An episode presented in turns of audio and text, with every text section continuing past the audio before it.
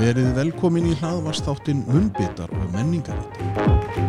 Við erum tveir vinir, Hjeðin, Matmann og Gunnar, matreyslumann, sem viljum kanna hvernig matur og menning fara saman. Hvað hefur breyst og hvernig í matamálum Íslendinga? Hvað er og hvernig byrtist menning í litlum samfélagum á Íslandi? Jæja, verið velkomin í enn eitt þáttin af munnbytum og menningarvitum. Hér sittum við félagarnir á Bjargasteini. Ég er ennþá með hjarta í buksunningunni að segja á í... Ég reyndar sá í bændablaðinu að þeir sögðu á grundaði. Nei! Það er svo háttur ávorkuverði Ég? á grundaði og á öðrum stað sögðu þeir í grundaði. Ég er sem að ringi í bændablað og bara segja við það. Vitið hvað þið eru að fara út í? Talaði við hann Svein, Sveinsson. Sveit Sveinsson. Er það Svampur Sveinsson? Já, ég held að þeir séu bræður. ég veit ekki. Þetta var bara djók, sjáðu. Heyrðu, aldrei þessu vanda þá var bara veðrið í lægi. Já, já, það er alltaf gott viður hér, þú veist það. Æ, já, já, já. Ætlaði að segja æ þegiðu. Nei, nei. Ég ætlaði bara að segja já, já. Nei, nei, ég veit það ekki. en við erum að fá góðan gest í heimsókn. Yes. Og, og ég held að þetta verði mjög fróðulegt þegar maður fær svona toppinn í sveitafélaginu í viðtal. Ég hérna, Nú er ég, Katlin spenntur. ég hef smá áhyggjur af þessu. Nei, akkur? Nú er lögadagur, Já, við erum á Bjargasteini, já, við erum með opið í kvöld, já, við erum báðir að vinna, já, ég eftir að preppa allt já, og klukkan er að ganga tvö. Nei, hún er rúmlega eitt, fyrir ekki þau, ég, ég, ég er aðeins á þú er, ég held að þú sér bara komin í preppið, já. Já, ég, og sko, ég bara byði þig, hérinn, pólitíkusarhaus, þarna hinn meginn. Enga pólitík. Ég sagði það við Björgu, það er engin pólitík í þessum þætti. Já, en Gunni, það er allt pólitík, ekki Heyrðu, vera veistu, hvað? Nei, hvað? Nei, ég ætla ekki að segja það. Æ, ég sendi á Guðlaug. Guðlaug, Ráð, þetta er ekki ráð, ég sendi á hann líka spurði hvort hann var til, hann var til. Ég sagði hann, það er æðislegt, heyrðu, engin, engin pólitíka en eitt og hann, hann sagði, jú, æðislegt, hérna, hvenar á ég að mæta og hvar, og ég sagði, já, bara finn út úr því. Uh, en það er engin pólitík, ég hef ekki heyrt í honum síðan. Þú er svo mikil, hérna, hvað heitir svona, killjoy, þú er svona partypooper, já, já, en Björg er að koma Já, ef ég meina það... Engin pólitík. Já, en Gunni, það, er allt pólitík í bæjarfélagi. jú, reyndar, Hæ? reyndar En ekki, þú veist, við getum alveg talað um pólitík bara gert það skemmtileg. já, heldur það Ég veit ekki. Nei, kannski ef að láta það reyna en hugsaði sko, það er bæði pólitík og Björg er lagfræðingur líka sko, ég veit það Og þú ætlar að sóna út þá í báðum. Ég er mjög er rættur um að ég verði ekki mikið í umræðinni Ég verði í essinu Ef það er eitthvað sem ég skil ekki, þá er það lögfræði. Nei, ég ekki er náttúrulega, maður er náttúrulega, veist, ég þessi mjúki maður, þú veist, vinn og tala við fólk og er alveg svona, skilt séð og svona, svo koma lögfræðingarnir og er ekkert neginn alveg bara, já, nei, þetta virkar ég bara, veistu það, ég bara hérna ég sé bara alltaf fyrir mér hérna mótus eða eitthvað við höfum talað um það áður en ég bara, þú veist. Veistu það, ég, þú ert með þrá ekki fyrir mótus. nei, nei, ekkert frekar En við, kannski koma þér okkur óvart og, og vilja vera með okkur. Já, þeir eru, er það er húmor í þessu að vera með mótus sem hérna, það var í geðveik Ha? það var í Ég- ég hérna, já þetta er, og við erum örgla vissast svona með. Það er mótus sem styrkir þennan þátt. En við erum eða hjartpunkturins. hjartbúnduris, já sem að, að eru með svolítið skemmtilega hluti á, á svona með, með stjörnumerkin og, og legu tungsins og, og stjarnana þegar að þú fættist sem getur verið mjög áhugavert og, og ef þú setur munnbyttar í, í afsláttakóðan þá færðu bara 25% af, er það ekki alltaf eitthvað? Jú. Ha? Jú, ekki spurning Og svo var það víst einhver ákveðin veitingastæður sem að, er að, Bjargasteinn, já, Bjargarsteinn eini steinni sem við getum drukkið hérna þaravín á heyrðu, það er hérna, ég held að fólk sé að, að, að fíla þar af í og, og meiri segja sko þegar þú hittir einhvern sem er búin að drekka og það er ekki búin að vaksa einhverju svona út, nýjir útlimir á viðkomandi en svo hérna hitt ég eitt sem að hafi prófað og hann var sköllóttur og við vorum að ræða sko ef að hári myndi byrja að vaksa aftur þá ætlum ég að enda bindindi hvað finnst þér um það? Ég sé því ekki alveg Jú, svona einhverja hárlufsur miðaldra feitu kall og kannski tekur í tíko eða eitthvað maður að takla eitthvað þetta heitir miðaldra feitur kall og takki tík og hvað er að þér Gunnar? Sér þetta samt ekki fyrir? Svo kannski gæti þetta verið bara söl sem að kemur um að hlustum að þér En hérna, þetta er nú farið að vera einhver helvít Já. svitli, sagði það verður áhugavert að heyra hvað hún segir Því að ég, ef það er eitthvað að þegar maður skoðar að þá er hvað, hún er búin að vera 14 ár bæjarstjóri þá það hlýtur að segja eitthvað um hvar hjartað hennar er. Akkurat. Þannig að og, og hún, það er skráða að hún sé sem sagt, borin og bannfættur grundfyrir þannig að þetta verður mjög skemmtilegt og ég, Ertu, ertu undibúinn? Ég er búin að skoða fyrirskjónan og það stóð þetta stóð Ég er ekkert undibúinn Nei, það er líka Ekki neitt. skemmtilegast að við erum ekkert undirbúin Nei, við erum aldrei undibúnir Nei, en svo líka er svo skemmtilegt þegar þú sónar út af því að maður þarf að ná í þig aftur Já, Af ég því að veistu þú það. ert bara hallókunni og Já. svo dregum maður þig í land Sér, Sérðu það á mér? sé ég það á þér þú alveg sko bara gardínunar sko þetta maður inni mig bara á þegar ég sagði þegar að fólki spurði mig um fisking hvernig er fiskurinn og ég alveg hann er döður, hvað er að þér? Þá voru gardínunar mínar alveg sko konar niður í Já, en, en sko það er annað. Jú, jú, þú ert náttúrulega í vinnunni og far, far, borga fyrir það þegar, þú- þegar þú færði þessa spurningu. Að vera vitlaus. Já, þú veist. En, en, hérna, en, en hugsaður að vera með, með hlaðvarp og, og gaggert þess að ræða við fólk og maður sónar út að því umræði efni er, er kannski eitthvað sem að maður er ekki alveg inn í. En þá er nú ágætt, þetta er svona við getum unnið þetta saman en er þetta ekki bara því ert með þú ert örgulega með aðteglisprest eða ekki? Ég veit ekki, nei, nei, nei, nei, það er ekkert svo leys En hérna kom- bíll, nei. Ég kom með, ég ákvað að kom ekki með neitt. Heyrði já, ég tók þetta því. Ég, og ég bara, hvað er það? Það bara veit, veitingarna sem ég býð upp á er bara slá aldrei í gegn.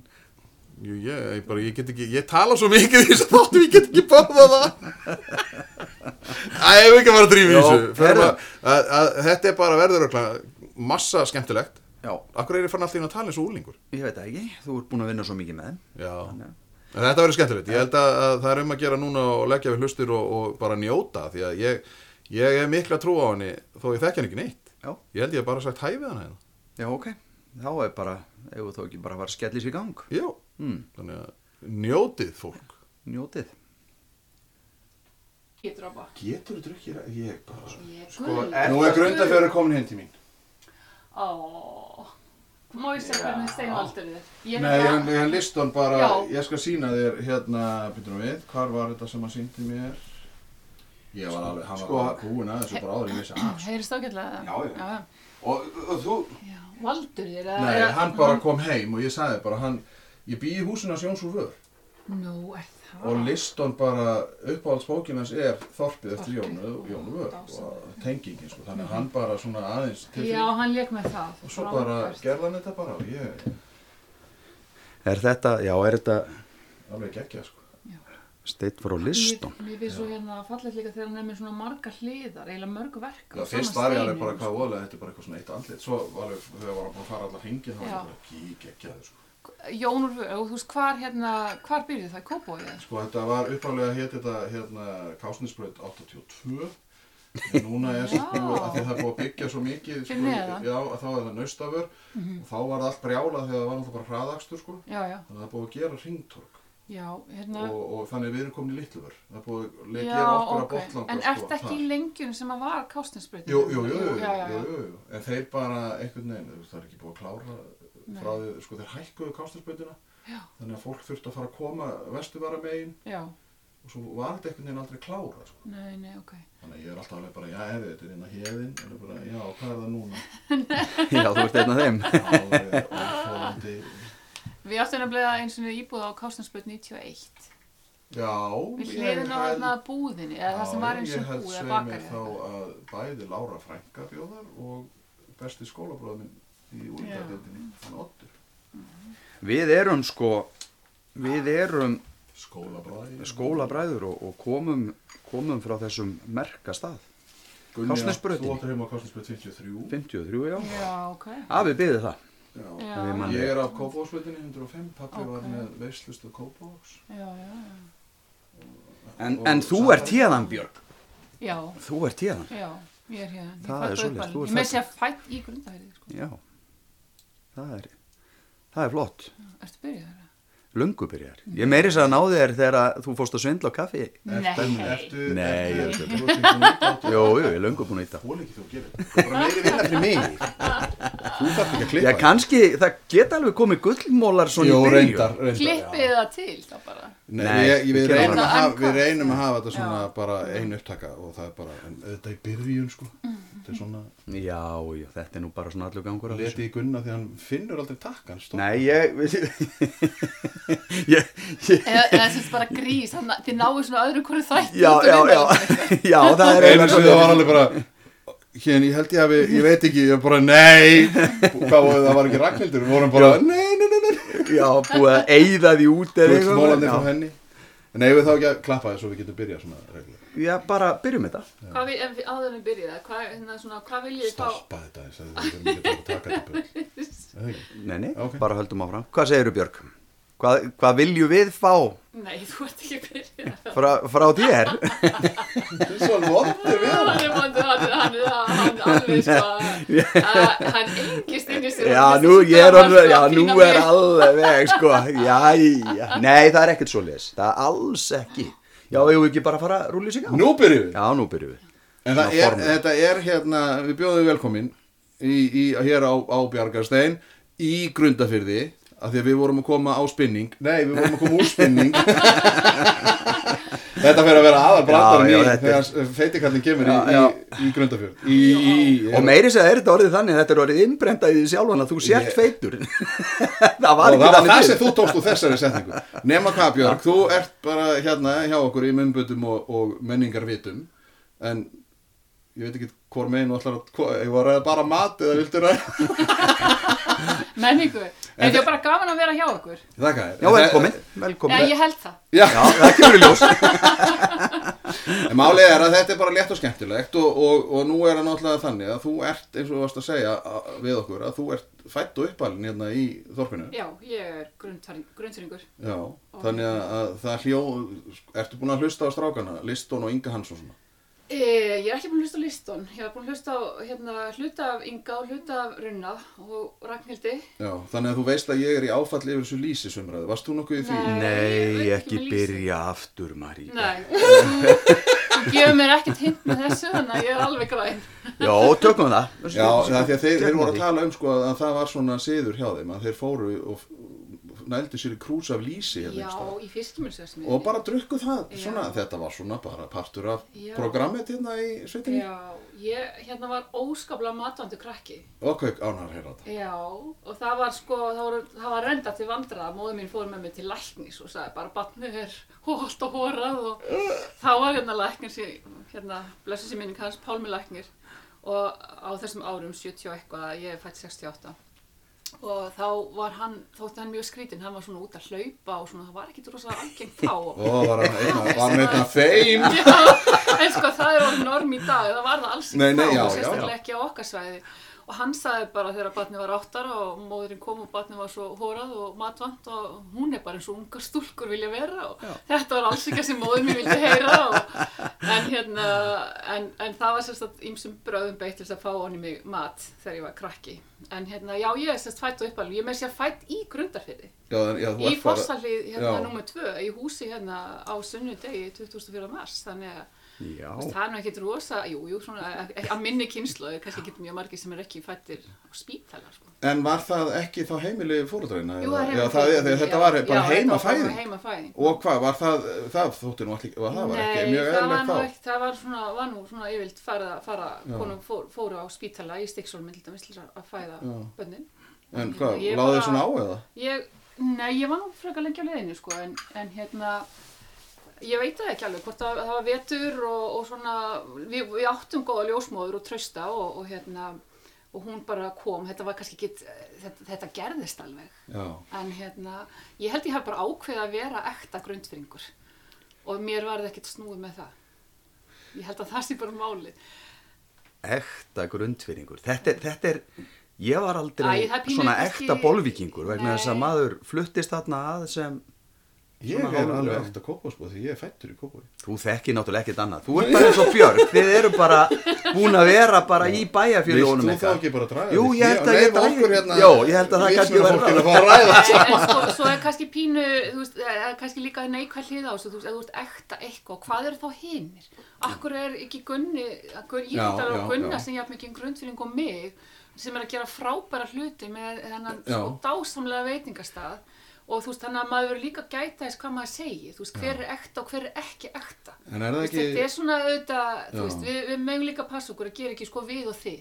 Það, er, það eru tvö bæjarfjölu sem er með það, það eru akureyringar og haffyringar. Að það er, það er skilgreiningin, Já. ertu aðfluttur eða ekki, sko. Þannig að það er svona, Og ég vona að okkur hafi tekist í grundafyrði að taka vel á móti þeim sem er ekki sko innfættur og koma og kjósa búa með okkur og, og búa til gott samfélag þannig að við mögum líka gæta þess bara hvernig við tölum um það. ég, ég segi fyrir, mi- fyrir mína parta að það er mjög gott að koma hérna og, og taka þátt í, í eins og líkasæktinni og, og vera svo hérna Mhm. að- að vinna á bjargastinni, að, að mann er alltaf tekið fagnandi og, og en það er náttúrulega líka kannski að því maður er svo undarlega. Já, ég held, nei, ég held, þú. já, ég held líka sko, ég held líka við rættum um þetta þegar stelpuna voru hjá okkur ég og Lilja, við erum alveg sammála um það að okkur var ofsalega vel tekið mannstu, við vorum að ræða þetta við eittum smá tíma í að Já. spjalla akkurat um þessa hluti. Og það er mjög sérstakt við þetta bæjarfélag að, að ég man þegar við fluttum í Bólungavík í, í, í gamla daga, það tók tíma að vinna sig inn í samfélagið. Já. ég man það alveg, bara sem strákur sko. Þannig, að, þannig að það er kannski er ekkert sjálfgefið en, Ég held að þetta sé líka bara heilbrísmerki á samfélaginu þá. Já. ef það getur tekið opnum örmum við, utan, eða, sérst, við öðrum og, og hérna við líka bara því að við þurfum svo á því að halda að hérna að þú veist það er alltaf rótringa fólki sem er fara og aðri koma og vonandi höldum við balans og svona frekar balans þá upp á við. Akkúrat. sem er bara getur bara verið svolítið ströggl og hefur alveg verið ströggl hjá okkur svona á köflum Og er líka undarlegt að þú tækir ekki vel á móti fólki og fara að flæma þig burtu aftur. það, já. Það er bara, Já, já. En þú getur það líka- að þér. en þú getur líka yfirfært þetta bara á Ísland Já. þetta er óslega viðkvæm umræða sko, Já. Mm. sko við og þau og bara eins og við viljum stundum ekki fá fólk við sem erum 370.000 með öll þessi gæði Já. Og hérna gríðarlega stórt land og hérna fullt af auðlundum til að vinna úr og stundum bara vantar okkur fólk Mm. og vantar hendur til þess að vinna öll þessi verk Akkurat. og hverju ættum við þá ekki að taka fagnandamóti þeim sem vilja koma og láta um sig mun En hvernig er það svona í minningunni að, að alast upp hérna? Eða svona, hva, hvað er það sem stendur sko sterkast? Strákarnir náttúrulega eins og Ingi Hans og Liston og Runni, þetta var sko þetta frjálsræði og, og náttúrulega þetta lýsi sem ég á örglega eftir að, að sko, fá martraðar yfir. Eh, sko, þú veist að það er þetta með bara að geta verið. já, og svo heyrðist bara einhver mamman kalla matur! og þá bara hrúaðist einhver einn þú veist það var skipt einhver máli hvaða mamma það var. Það var bara, og svo kannski fór stóðið bara allt til eins og það var, hvernig upplöðið þú þetta svona í samanbúrið að þeir eru náttúrulega þeir eru náttúrulega eldri. þeir eru örlítið eldri en við. Þannig að það er svona en, ég, en tilfinningin er samt svo sama, það er þetta Já. frjálsræði, þetta er hérna sjáarþorp og það er líka að byggjast mikið upp, það er mjög mikið að gerast 70-80 Já. og hérna, en það er þetta, já, minnst bara að, að, að þú alast upp í góðu samfélagi. Og hérna, ég átti bara rosalega góða og, og svona, hvað ég segja, já, bara þægilega barnesku. Ég hugsi ég hafi verið frekar meðferðlegu krakki fyrir utan hérna- matendinu Fyrir, utan mat. akkurat. Ég var svona, já, einmitt, ég, ég hugsi ég hef verið mjög ákveð, ég var svona freka feimin sem krakki, en hérna, en mjög ákveðin og svona kannski, ég var svona pen óhemja. Nú já, pen Það er óhemja Er það ekki bara lýsing á konu? Ég, ég, Nei, ég, veit var- ekki, ég, ég ég, bara... var, ég var alveg þetta, þetta var svona pe- pent undir rós fannst mér, sko, ég var alveg bara, hvað myndi ef við myndum segja þetta, þá? Já, ég veit það ekki. Já, sko, nei, ég En meina þetta er samt mjög góð skilgrinni. Já, ég, en, það er óheimjugangur að, að hérna til dæmis að sitja hérna öll kvöld og vera að vinna skilur og geta ekki hætt og, og svona, þú veist, það er pínu, þetta er veikleiki. Já, Eh, og þetta er svona, það er líka ákveðin óheimjugangur í því sko að hérna fara all in í hlutina En við höfum nú svo oft rætt að einmitt, sko, ef þú gerir eitthvað, tekur eitthvað að þér og ert að, ert að presentera það og ert að gera náttúrulega yfirlt hérna ekki einn og sér heldur með fólki eða fyrir fólk, að þá viljum við gera það vel. Já. Og það er kannski það sem að er, hérna, það er svona óheimigangurum fælst í því.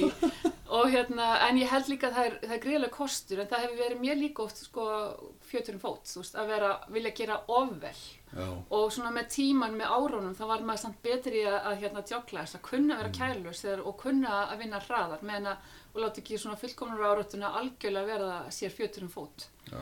en svona óheimgangurinn byrstist kannski því eins og þegar ég var sex ára að þú veist þá ég, lærði ég krossaum eða því eins og krakka gera, saum út púða eða mynd eða eitthvað svona og ég hætti ekki fyrir en ég fekk blóðnæsir, þú veist ég bara fór í þetta all in og það er kannski svona, þú veist, hérna svona Það, Já, er, það er það er svona- svona ákveðið Það er svona ákveð syndrom. Ég, er mjög, ég er alltaf freka svegt út í hérna fóreldrar mínu hafi ekki ótað mér að íþróttum. Ég veit ekki hvernig íþróttur fór fram hjá mér því ég hef alveg gríðilegt keppniskap. Og hérna, en, en það eiginlega svona sildi fram hjá mér. Og, en hérna, þetta var dásanat þorp til þess að alast upp í. En hvað var það þá svona sem þú gegst upp í? Sko, hvað var það ef, þú, ef það voru ekki íþróttir? Sko, að því að nú, nú eins og Gunni, sagan er svo að, að við vorum að ræða, ég var að spurja Olgu, tengdamömmu skunna, um sko, hvað gerir maður hérna á vetunar? Að því að það er náttúrulega fullt af lífi á sumrin. já. Og, og svo byrjaði Olga að tala, að telja upp bara þetta og þetta og þetta og þetta. Ég alveg, býtu, hvað, við þið tíma til þess að bara vera Já. þið sjálf? Já, að, að sko að þegar þú ert að alast upp sko ert ekki í íþróttum að því að það er oft, ég minna Gunni er tíðrætt um að hann var í sundi og það tók allan hans tíma og hjælt honum frá kannski einhver ákveðnum eh, óæskiljari hegðun. beinumanninn á okkur braut. Já, að, þannig að hvað var það sem að svona átti hug þinn, þú veist, ef að þú svo að tókst svona, fóst svona in eins og, þú veist að segja með krossuminn og allt þetta? Ég, ég held bara að því ég er að tala alltaf um gott samfélag, ég held að sko bara það sem er fólk sem þú fílar eða fólk sem að þykir væntum Já. þig, að veist, þar þrýfstu og þar þrýfst, hérna, þar þrýfst fólk og þar þrýfst menning og þar þrýfst félagslíf. Þannig að það þarf ekki meir en bara, þú veist, fólk þarf fólk og fólk laðar að fólk og fólk sem er að gera góða hluti, þú veist, það laðar að sér aðra. Þannig að maður átti bara sína vini og þetta var bara eins og var þá, þú veist, það var ekkert net og svona og farsímar eða svona þannig að maður var bara úti. Maður var bara úti á kvöldin og svo voru leinifélag og, og hérna þú veist, þá var að hlaupa hérna milli húsa eitthvað hvort það hæfir í þennan hérna þátt sko, að því ég var að segja, ég var svona meðfærlega krakki að gera ykkur glansmynda, við vorum að gera at í húsum og svona, þú veist, maður var að hlaupa milli húsa og skemmta sér, þetta er auðvitað svona saklaus skiljið, svona Já, já, já, maður já. svona allavega í baksinn í speiklinum en, en hérna þú veist, við vorum bara að leika okkur. Þú veist, það var bara, maður var bara með vinkun sín og, og, og, og vinnum sínum og, og hérna, svo var ég að læra, á, lærði ég á hljóðfæri, ég lærði á orgel, eða fyrst á blokkflötu og Klassíst Já, já. Helvítis blokk Ég skal bara, ég skal segja það. Kemur alveg trámað upp í öllum hérna bara uh, Góða mamma, góða mamma alveg ég, ég man samt sko að þegar börnum mín byrja að læra blokkflötu og sko ég tók upp blokkflötun og spilaði bara alveg svo, þið veitir bara hérna þeim besti þau, þau voru með stjörnur í augunum sko hvað mamma getur, það var að góða mamma Já, góða mamma þannig að maður býra að því Já. Ég held að þegar krakkandi mínu byrjuði það, þú veist, þegar 40 ára setna þá er bara að byrja ég bara, góða, þú veist, ég tók hana bara upp og þetta var eins og þetta væri bara alveg að hjóla, inn, sko, já. að. En hérna, já, tónlist og, og hérna, og ég hafði bara gríðilega metnað fyrir að læra, ég reyndar þurfti ekkert mikið að hafa fyrir því. Nei, já. En það var, þú veist, keppniskapið fór í það. Var árgangurinn þinn stór? Við vorum svona frá kannski 16 í hérna, já, við svona 14, 16, eitthvað svo leis. En hvernig, hvernig upplifur þá svona, að því að maður er alltaf að tala um að það er kannski ykkur ákveðnir árgangar sem bindast meira heldur en aðrir, þú veist, maður svona, ég tengdist í Kópói 66 mótilunum og, og svona, skilur, hvernig var þetta hjá ykkur að, að þegar þið eru svona samt þetta, eh, þú veist, þið eru ekki mörg, að, að þá náttúrulega kannski skiptir ekki, sko, er Nei, þetta stór hluti í ykkar, sko, upp, svona, þegar þið eru í minningunni, er þetta stór hluti að þú gast bara tala við hvert sem var að það skipti ekki máli hvort að viðkomandi var fættu 64 eða 74 eða svona, að það var bara eitthvað svona ég, leika? já ég, ég hugsa það, sko, árgangarnir renna svolítið saman og Já. aldurspilin er ekkert svona kannski skýr og skipt. Já, og hérna, þú veist, það var ekki leikskóli þegar ég var krakki og þú veist, mamma var heimavinnandi Mhm. hérna, pappi var vörubílstjóri og, og rak fyrirtæki var með vörubíl og gröfu og setna steipubíla og svona og þú veist, hann var mikið á sumrin það var svona kannski lítið um hefðbundin sumafrí og ferðaleg hjá okkur en svona það er allavega Snæfellsnesi var búa vinsælt og dalir og svo, svo eigum við hérna minningu af svona einstakaferðum út fyrir, út fyrir það sko. Akureyri og Suðurland og svona en hérna, já ég held að ég var reyndar voða feimin krakki og, og svona líka sem úlingur, það háði mér alveg. Þannig að ég var kannski svona frekar, ég var kannski ekkit mikið að, að hérna svona, jújú, jú, ég á vini í öðrum árgöngum en það var kannski ekki alveg mitt svona á þeim tíma Nei, já. og þú veist, ég, ég sé svolítið eftir því, að þú veist, auðvitað feimni háir fólki sem að, þú veist, fólk finnur fyrir. Þannig að það er ekki að koma einhverja svona krasandi sögur um eins og þegar að Liston talaði um að hann byrjaði að drekka 12 ára og Runni sagði það er helvits lí að byrjaði 9 ára Nei, sjö eða eitthvað og maður var alveg bara Nei, wow. ég sko, veist, þetta er, nei, ég hugsa hérna að það hafa nú ekki verið almennt þá, sko, og hérna, en hins, og ég til dæmis er á þeim tímanbylum, til dæmis, það var ógeðslega, hérna, púkalegt að reykja. Veist, en það bara, þú veist, það var ekki stanslust áráður gegn reykjum og hann virkaði, þú veist, Já. það var engin að reykja eða þú veist, ekki, það var alls ekki almennt á þú veist, sem tíma og þú veist, þetta er svona, þetta fyrir bylgjum, já, auðvitað er þetta kannski Hvað er við í borginni? Það er hérna- náttúrulega, það er náttúrulega, sko, ekkert að þetta sollurinn í Reykjavík, Já, já, já. Kópavogi og Já. svona, ég, Ég, ólst upp í skiptistöðin í Kópaví Já. Fræklarnir og maður var nú pöngari sko. já, en ég meina, auðvitað kom þetta líka, ég meina, hér er samfélag líka þar sem að, þú veist, það er mikið svona vertíðalíf og það eru verbúður og þú veist, fólk er að koma til að vera á vertíð, hvort sem það er að vera mikið svona partistand og annað og ég, náttúrulega bara líka feimin krakki úlingur, ég var svona sótt ekkert mikið í þetta, kannski, og svona kannski eins gott, ég- eins og ég er að segja, þú veist, ég svona fer all in í það sem ég vel mér, það var eins gott að mér langar ekki tróðslega mikið að drekka brennivín, ég veist, ég hef farið all in í það, þannig að það getur allir að þakka fyrir það, sko. Já, tekið með trombi Já, En, En en ég hérna- sammálaði nefnilega Björg, þetta var alveg sama fyrir vestan. Það var þessi áróður, plaggutin hérna við reykjum ekki og, og mikill áróður og það voru mjög fáir ef nokkur í bara þessum stóra árgangi sem ég var í sem reyktu og drukku. Mér fannst bara að það var sínt svona krabbamismynd og maður bara horfði á þetta og sagði en þetta kemur ekki fyrir mig já, já, já. Maður var En svo hrókafullur eitthvað Já, svo auðvitað kannski dreifum maður auðvitað dáma af, af sínum hérna félögum Já. og svona sko, þannig að þetta svona getur alveg verið tilviljun sko hvað dettur inn í hópa og hvað ekki sko.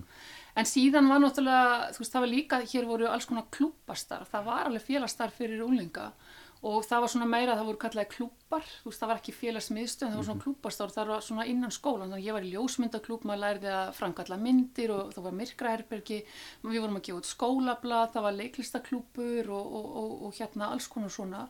Og ég fór í leiklist til dæmis og ég hafði svona bakteríu fyrir því og fór síðan í leikfélagi hérna. Þannig að 16 ára til dæmis að þá var ég að sína með fullan fólkinu við flökkum hérna einmitt í að því voru talið Inga Hans, það var leikut sem hann sandi hér sem hér tókstreita og, og ég fekk að, leika með fullan fólkinu í því og við fórum hérna út á Röst og inn í Stíkisólma og við fórum í hérna Reykjavík og, og svona þetta var svolítið skemmtilegt og, og ég hérna á þessum tíma þegar ég var 16 ára þá ætlaði ég að vera leikuna Já, og hérna ég fór í, í starfskynningu sem var alltaf svona þá þegar maður var í hérna, í grunnskóla, þá fór maður í starfskynningu og ég fór í laurugluna og, og, og hérna og þjóðleikúsið og ég fór bara ein.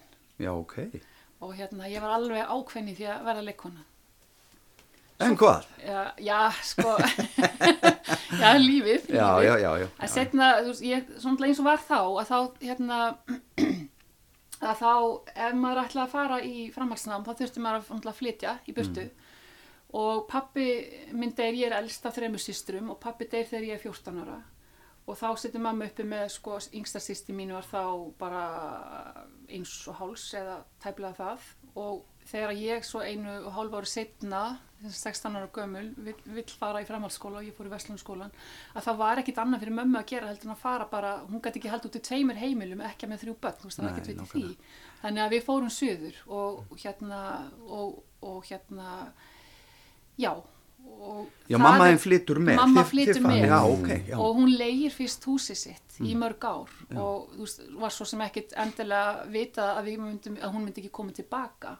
En leigir það hérna og, og svona, svo líður, þú veist, ár og ár og, og, við sýsturnar, ég á sýstur sem er ári yngri en ég og við förum í framhaldsskóla og, og svo gerist þetta svona, en mamma kom semst ekki aftur, flytti ekki aftur Nei, ok. að ég flytti aftur. Ég, þú veist, ég gat ekki hugsa mér. Ég kom á hverju einasta sumri og náttúrulega ég eignaðist líka kærasta þegar ég var hérna á loka ári í grunnskóla þess að tæplega 16 ára gömur talendum verið meðferðileg krakki kom, kom kærasta 15 ára.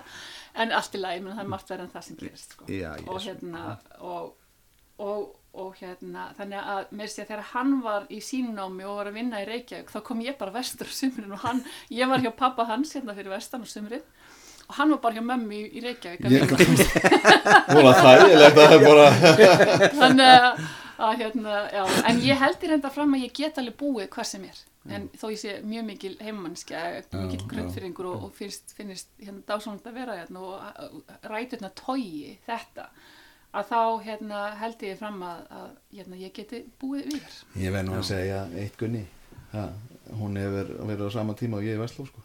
uh Hún Já, ok. hei, þetta. heiðurstæm Ekki hefur nú bara í tvö- aðtikli Ég var reynda bara í tvö ár þannig, að- En varst í gamla eða nýja húsi? Nei, gamla, gamla já, ég var nefnilega var þar og þegar ég var á öðrum vetur þá fluttu við upp yfir. Já, já, já, ég, þá var ég komin í mennskólinn Kópói sko. Já, akkurat. Tók aðeins félagslíf aðeins með miklu alveg og krakkarnir mínir kvikindi segja ég hafi ekki náð þau segja ég hafi fallið því ég náði ekki 6.50 þá þurftur að fá 6.50 Já, sko, til þess að komast upp í 5. bekk. Já, en, nákvæmlega. en þetta var alveg magnaður tími sko að vera þarna og, og þá var húsvörðningunni ég held sveimi þá hann hafi heiti Gunnar.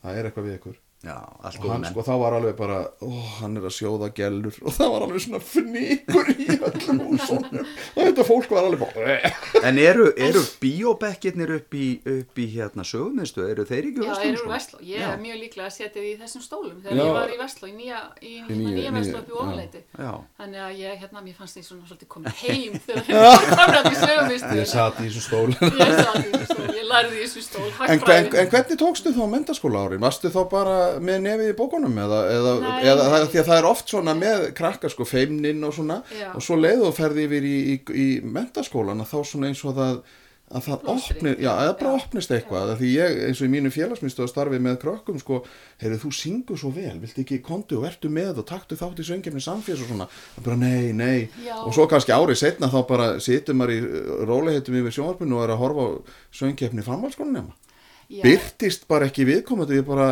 Já, Dreptu mig. Já, ég veit, en sjáu líka sko, þú veist, rátt fyrir að vera feimin krakki, þá ætla ég að vera leikona, Já, skilur, já, Hva, já, hvaða já. feimni er það, skilur, Já, þú veist, já, þannig já. að maður svona einhvern veginn, ég held að svona maður svona óti sér í eitthvað, þannig að ég, svona ákveðnin og Já, kannski já. einhver svona, en þá kannski getur leikið líka svona Já. mál mannesku sem er framfærin, já, eða, ég, ég held líka, sko, ég hætt, feimnin fór ekki að fara að mér fyrir en ég var svona komin upp í, yf, yf, yf, yfir tvítugt já, og hérna, þegar ég var, svo fór ég í, í hérna, lögfræði, fór að læra lögfræði og þar svona til dæmis bara að vinna með feimni að þá hérna skráði ég mig, ég held ég að vera á fjórða ári eitthvað, þá var hérna ræðunámskeið hjá Órator sem er félag laganema og þá skráði ég mig ræðunámskeið hjá Holmsteini Gissurasinni já, og þú veist verandi feimin og svona óta sér í þetta og þú veist það var náttúrulega askutu töff. En maður þú veist hafði alveg ótrúlega gott að því og lærði mikið á því og en hérna þannig að maður svona íti sér eftir einhverju leið þannig að ef maður er nógu ákveðin í því að reyna að vinna á því þetta háði mér og ég vissi að ég þurfti að vinna í því þannig að maður bara, maður gerir það En þú leiðrétti mig ef þetta er ekki rétt, er ekki lögfræði sko þannig að þú þarft að standa fyrir fram að fólk og tala við það? Jú, Já, en svona, það, veist, það lögfræðingar eru ákveðið- víða og störfin eru Já, ólík já, ég maður er kannski alltaf með bara loðandi order hérna fyrir fram að sig sko, sko. að fara og, og vera málflutningsmaður veist, það er auðvitað kannski þessi þekktasta hlið og Já. náttúrulega þess að lögfræðingar hérna gera en þeir eru náttúrulega bara mjög víða og þú veist, ég er náttúrulega ég fer að vinna eftir lögfræðina þá fer ég að vinna hjá síslimannum í Stíksólmi og Ég er alveg að fara svona út núna sko. Lögfræðingur ég, ég, bara, þegar, ég fæ alveg bara svona ú, þegar byrja svona látt ú og svo, svo Hannes Holmstedt þá svona hækkara ú og svo fara að vinna hjá síslumanni og þá bara ú. Nei, altså, ég ætla að segja Já, ég er að djóka. Já, ég ætla að, að hérna, nei, hvað ætla ég að segja Jú, að Já, þetta með feimnin Ég að- rugglaði hann alveg, ég rugglaði hann alveg í þessu. hérna, sko, maður fer ekki endilega sko, þennan hérna, eina slétta veg sko, Nei, nei, já, já, þegar ég er búin að vera þar í eitt ár þá bara er hérna, skorð á mig að svona beðinum að sækjum starf sveitarstjóra í grundafyrði Mm. sem losna. Þá er ég 29 og 27 ára og ég geri það og er ráðinn og þannig að þú veist, svo hefur bara lögfræði nýst mér í öllu sem ég hef gert þannig að hérna, það er svona bara En mismöndi hvar breyttist samt þetta? Þú ferði í Vestló og, og, og, og þar er náttúrulega þetta alrómaða, sko, alræmda félagslíf og það er svo mikið og eitthvað svona og þú ætlar að vera leikona en hvar breyttist þá þín sín á þetta að þú, sko, hvernig í ósköpunum dattir í hug lögfræðin? Jú, ég held bara að, að ég veit það ekki, það er bara svona, það er erfitt að útskýra hérna það hvað heilla mann og annars slíkt, en, en, en ég hugsa, ég hafi bara verið svona kannski 18-19 ára þegar ég ákvað það, eða 18 eitthvað svo leið sko. En var, þetta eitthvað svona nýju vinirnir sem ætlaði að fara? Nei, eða? nei, það var ekkert svona, það mér bara, þetta heillaði mig, Já, það var bara heillaði mig, ég átti auðvitað líka með að læra. Já, og hérna, mér fannst svona bara lögfræðin er svo, kemur svo mikið inn að bara hvernig þjóðfélagið er, hvernig það er byggt upp þú veist, lög og reglur og þetta er bara virkilega spennandi. Ég veit að Gunni fyrir að sóna út af, ég fyrir já, já, við leifum um honum bara, við leifum að, ég, ég er alveg, ég er alveg, ég er alveg all in hérna, sko, mér finnst þetta alveg æðislegt. Ég ætla að hugsa um desert kvöldsins og fyrir- mér þá er þetta sko lögfræðingur, það er alltaf eitthvað að því að þeir eru sko lögfræðingar virka svo ferkantaðir. Að því ef að lagabókstafurinn, einhvern veginn, þú veist að maður er svona manniskilega hlið, sko að þetta manni, maður upplifir lögfræði sko sem svo kallt að það er, ef það stendur einhver staðar að þá er það ekki hæg, skilur þú hvað ég við Já, já, að maður svona utanfrá séð að þá getur þetta verið svo kallt að því að, að, að, og það er bara einhvern veginn ekki takt að gera neitt eh, svona, þannig að maður svona miða við að, að maður upplifið þig sem svona manneski sem að, hefur áhuga fólki og þú vilt hefur örgulega trúir og allt þið góða í öllum og vilt að samfélagi blómstur svona að þá kannski svona skýtur þetta skökku við að þú velur lögfræðina Ég, þú, ég held þú sett að lýsa svona stereotypu eða svona ímyndinni af lögfræðingi. Við höfum svona ímynd af Já. læknum, af lögfræðingum, af meinar. hérna, viðskiptafræðingum, af félagsfræðingum, eitthvað svona, þú veist, og, og af sjómanni og af hérna fiskverkakonum. Það eru kannski svartar og hvítar en það er ekki þannig og lög eru náttúrulega bara mannana verk Já, og lög endur spekla samfélagið. Þannig að veist, það er fólk sem situr á alþengi við að breyta lögum og ef að samfélagi breytist þegar kemur eitthvað sem heitir ljósleðari að þá þarf kannski að fara að breyta lögum því ljósleðari var ekki til 1918 og hérna Já, já, já, eða já, já. 1940 eða þið vitið. Þannig að veist, ég held bara að Mér finnst þetta æðislega, þetta er öruglega því að nú erum við að vesinast í þessu ljósleðar að dæmi fyrir rafíþróttasenderið. Já, akkurat, en það líka, það líka ég var að hérna, tala um fjarskipti á þingi á miðvikudaginn, þetta var bara datt án í hausunum, bara eitthvað sem er svona tæknilegt, að þú veist, samfélagið er bara á flegi ferð og breytingar verða og, og lög og lögfræðingar eru náttúrulega bara að vinna með það og eitt af því sem maður læri alltaf í lögfræðin er það að það stendur ekkert eftir lögun Mm. og mann er kent að, að hugsa hérna það bara það eru svona ákveðar réttar heimildir og þú veist, hérna lög er bara eitt af heimildunum sem að þú styðist við því að við þurfum auðvitað að hafa einhvern ramma utanum hérna, það Lífið, hvernig við já. Mm. hérna, rekumst og, og hrærum saman og utanum lífið og, og það, er, það er ekki bara til þess að gera okkur lífið erfitt það er raunverulega til þess að gera okkur lífið einfaldar þannig við vitum bara að hverju við gengum og við sammælumst um að hafa einhvern ramma. Og ef það væru sett lög sem að allir væru alveg gríðalega mikið á móti þá við höfum alveg séð hvað gerist þá þá fer fólki að stað þannig að lögin eiga auðvitað alltaf að vera endurspegla það hvernig við viljum hafa samfélagi en hvernig hefur það verið þá? þess vegna er það svona lifandi og fljótandi og áhugavert skilur. Ég, ég, hérna, ég sé bara fyrir mér, sko, ég er bara á þeim staðnum og þetta er svona smá ú, lög, ú, lög og svo sé ég bara alltaf mótusmerki fyrir mér. en, en, en, en, þetta er áhugavert að því að þú- sko, við erum náttúrulega að þeir eru kynsla við munum tvíman að tvenna þú veist, að þetta, er, þetta er svo margt sko, þó, svo, og svo var áhugavert að hlusta á, á Inga Hans og Liston segja frá sinni að því þeir eru þetta eldri en við. En, en sko eru þá erum við, er lögin sko náðu þau að halda í við alla þessa þróun? Af því að, að, það er oft sem að maður er alveg býtu, ha, er þetta ennþá svona? Hva, hvað er að? Nei, raunverulega sko, við skulum segja bara að hérna nær löggefin, eða þá sem setur lögin, alþingi, alþingismenn, náum við að, að raunverulega uppfæra allt þetta flókna kerfi, laga og reglugerða og, og leiðbenninga og, og svo framvegis sem að við erum að nota til þess að halda utanum svona mannlega og hérna hegðun og eða sérst hvað við segja aðtarnasemi og það hvernig við lifum. Þú veist, ég, nei, við, þú veist, það, það, það kemur ofta eitthvað sem að þarf að laga og við þurfum líka ég veist ofta að við þurfum að muna það að lög er ekki eitthvað sem er hokkið í stein og við til dæmis hérna sem að upplifum eitthvað að, að við erum að rekast á lögin og við erum ekki sátt við það, það oft er það bara þannig að, að sko, við þurfum að láta okkar þingmenn vita að það er eitthvað, veist, við erum að upplifa hvernig lögin virka, þetta er bara skór sem passar ekki auðvitað viljum við stundum líka sko, finnst okkur bara skórin ómögulegur. Þú vilt bara einhvers konar, þú vilt rauðan skó en ekki svartan og þú ert bara ósáttur. Og það er auðvitað svona, þá, þá tekist um það og það heitir pólitík. Og Gunni vildi alls ekki ræða það hér. Jesus en, en, nei. en, en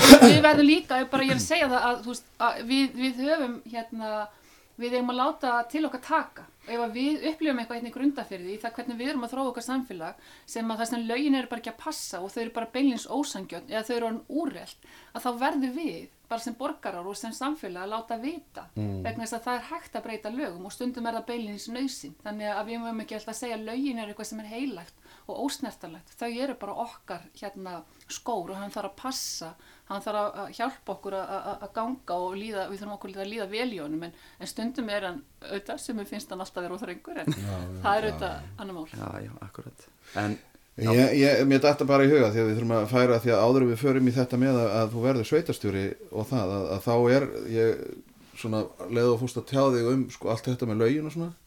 Þá veit ég ekki akkur ég fór aftur að hugsa um þig átt ára hjá lækninum og hann var að tala um þessu matvendni og ég alveg hvernig endaði það? Hvað hva var, sko, að ég veit að því að Gunni náttúrulega með þetta með matinn og, matinn og við- og svona fyrsta matar upplifunin og við höfum verið að ræða það sko hvernig það er að því að, að, að jólin byrjuðu þegar ég fekk rautt epli í hendunar Mhm, og ég held allan tímar að epli væri bara alltaf í desember Já, já ég man nú eftir eplu Ert þú, hérna, var það svona í kópóin það Já, var epli já, þe- þe- ég held að þetta hafi bara verið ríkisleiðin og jólasveitin kom bara með epli og svo var maður svektur eða þau voru mjöluð eða þú veist ef þau voru ekki sko ákveðin sko svona konsistens í þeim sko. Að ég er náttúrulega alveg upp sko mamma var heimavinnandi Já. og hérna eldaði góða mat og, og bæði hún og pappi og þú veist það var mjög mikill afi hérna og, og, og hérna föðubræði mínir hérna á- áttu og voru með útgerina farsælsútgerina og til dæmis til þess að, og það var alltaf mikið fiskmeti eins og var náttúrulega bara á heimilum hérna í sjáarþorpi þú veist það Já. var bara þannig, það var fiskur fjóra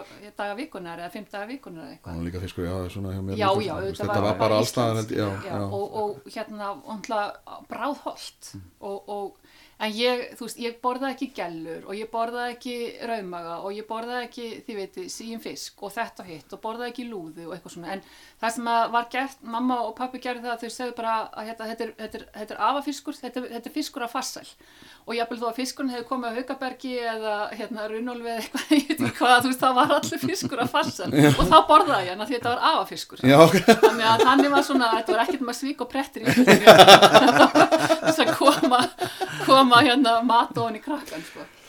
Þannig að, en þú veist, þa- það var náttúrulega bakaðar hérna kökur, þú veist, mamma bakaði, bakaði dásamlega marmaraköku og þú veist, maður bara stóð í henni og svo var náttúrulega, þú veist, það var til rúbröð og fransbröð í búðinni og, og þú veist, það var keift, en mamma bakaði líka heilkvæti brauð og, og hérna alls konar brauð og þú veist, þetta var einhvern veginn bara, ég, þú veist, þetta er svona mín æska ennþá að ná þessu þegar, pappi kom heim í kaffi og, og hérna maður bak, hérna, kom inn, var að leika sér og, og maður fekk nýbaka marmaraköku og mjólk eða hjónabansæl eða, Já, já, eða já, kannski hjón, dölutertu eða hvað sem það var vínabrauð, ég veit ekki gamli með hérna súkulega núna og sultunni, rababarsultunni og, og svo voru skipafréttir í útvarpinu.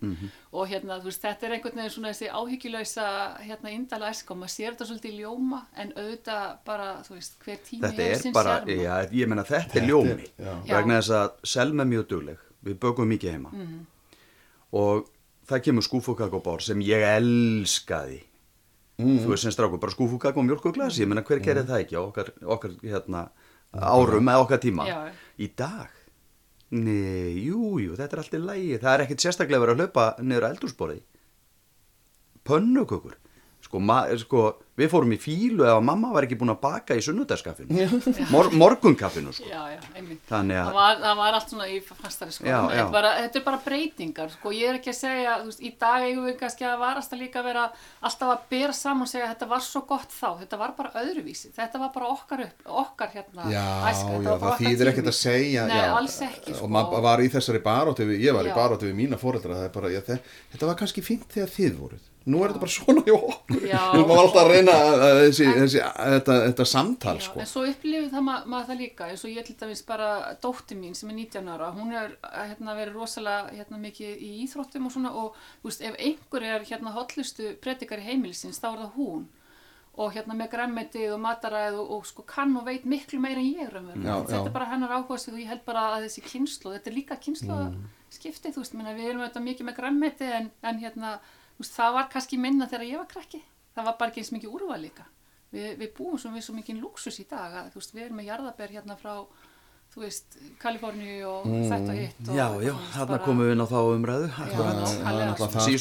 Þannig að En hvernig var það þá fyrir ykkur systur að fara? Þegar að mamma, eða þú veist, var, nei, mamma eitthvað var náttúrulega þá alltaf með ykkur, þannig að hún eiginlega bara matriti, eða hvað, var hún þá heimavinnandi ekki Já, þá? mamma var heimavind, svo náttúrulega þegar eftir pappi degi þá fer hún að vinna. Já. svo náttúrulega vann hún sko auðvitað eftir það. En það, þú veist, það er þessi tími og náttúrulega yngsta sýstur okkar er 13 árum hérna yngri. Já, og, og hérna já, þú veist, hún var náttúrulega bara í öllu þessu, bara fyrirmyndar húsmóður og, og hérna, og maður er alltaf svona að reyna að keppast við það, þú veist, í sínu lífi að gera, standast að hérna, sé svona, þú veist, þegar mamma er að þrýfa fyrir jólin og allt var svo svona fínt hjá já, og mamma mínum einstaklega hérna snirtilega manneskja og, og þrifin og útsjóna söm með heimilega að hérna, þú veist, maður, maður, maður er löngu búin að sætta sig, ég er orðin það gömul, ég er búin að sætta mig við það að ég get aldrei gert það sem hún gerði. Ég náttúrulega bara er annars staðar og maður verður líka bara, ég var að segja á þú verður að læra að slá af kröfun og hérna, en ég verða vikjum að það er frekar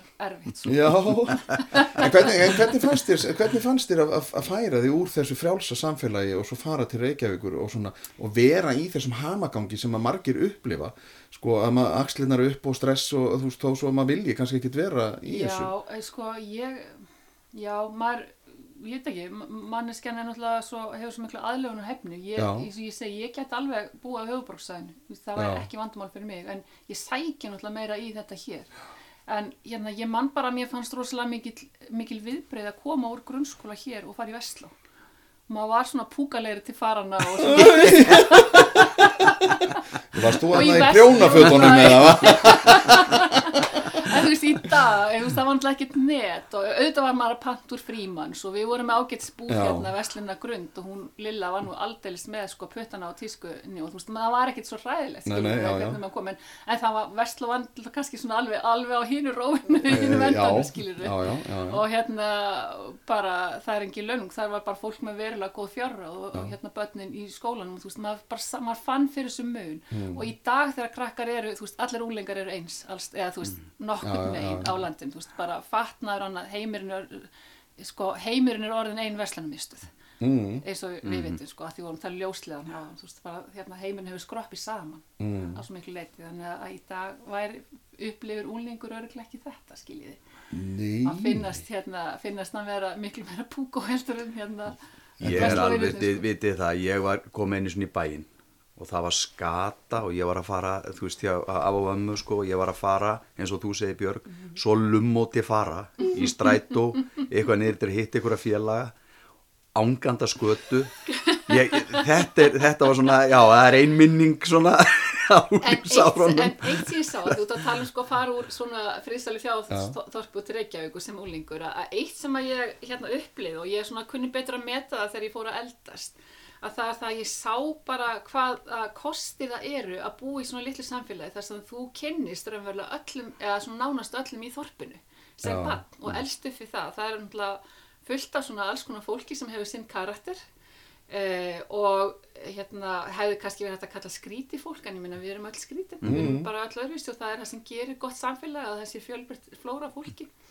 Að hérna ég fann það alveg að, að hérna mjög margir hérna félagi mínu þeir hafðu ekki þessa sín þeir, hérna, þú veist þegar maður var að tala um það bara einhvern veginn hvernig minn heimur var við erum bara svolítið ólíkir heimar. Víðsýnin og Já, þetta, maður já, er meira í já, svona bara, í kreðis já, hérna, fjölskylda og vinir og svona nánasta samfélag þú býrði hverfi í Reykjavík þú, þú færði ekki raunverulega, þú hefur ekki þau forréttindi að kynnast allir í flórunni Mhm. hérna af fólki eins og við gerðum hér. Mér mér finnst þetta kannski vera svona svolítið sem ég tek út úr því að, að hérna, og finnst vera hérna kostirni við það að alast upp í svona samfélagi. Mm. og ég held við eigum að svona horfa á það bara sem gæði að börninu okkar, eins og það er líka sagt þú veist að það er heilt þorp til þess að alveg barn. Og þorpin eru raunverulega alveg börnin, við erum að búa til samfélag til þess að halda utanum og raunverulega ekki bara börn, heldur svona til þess að, að hérna, já, samfélag þú veist, við erum saman í þessu mm, í félagi, að reyna að hérna komast á og láta okkur líða vel og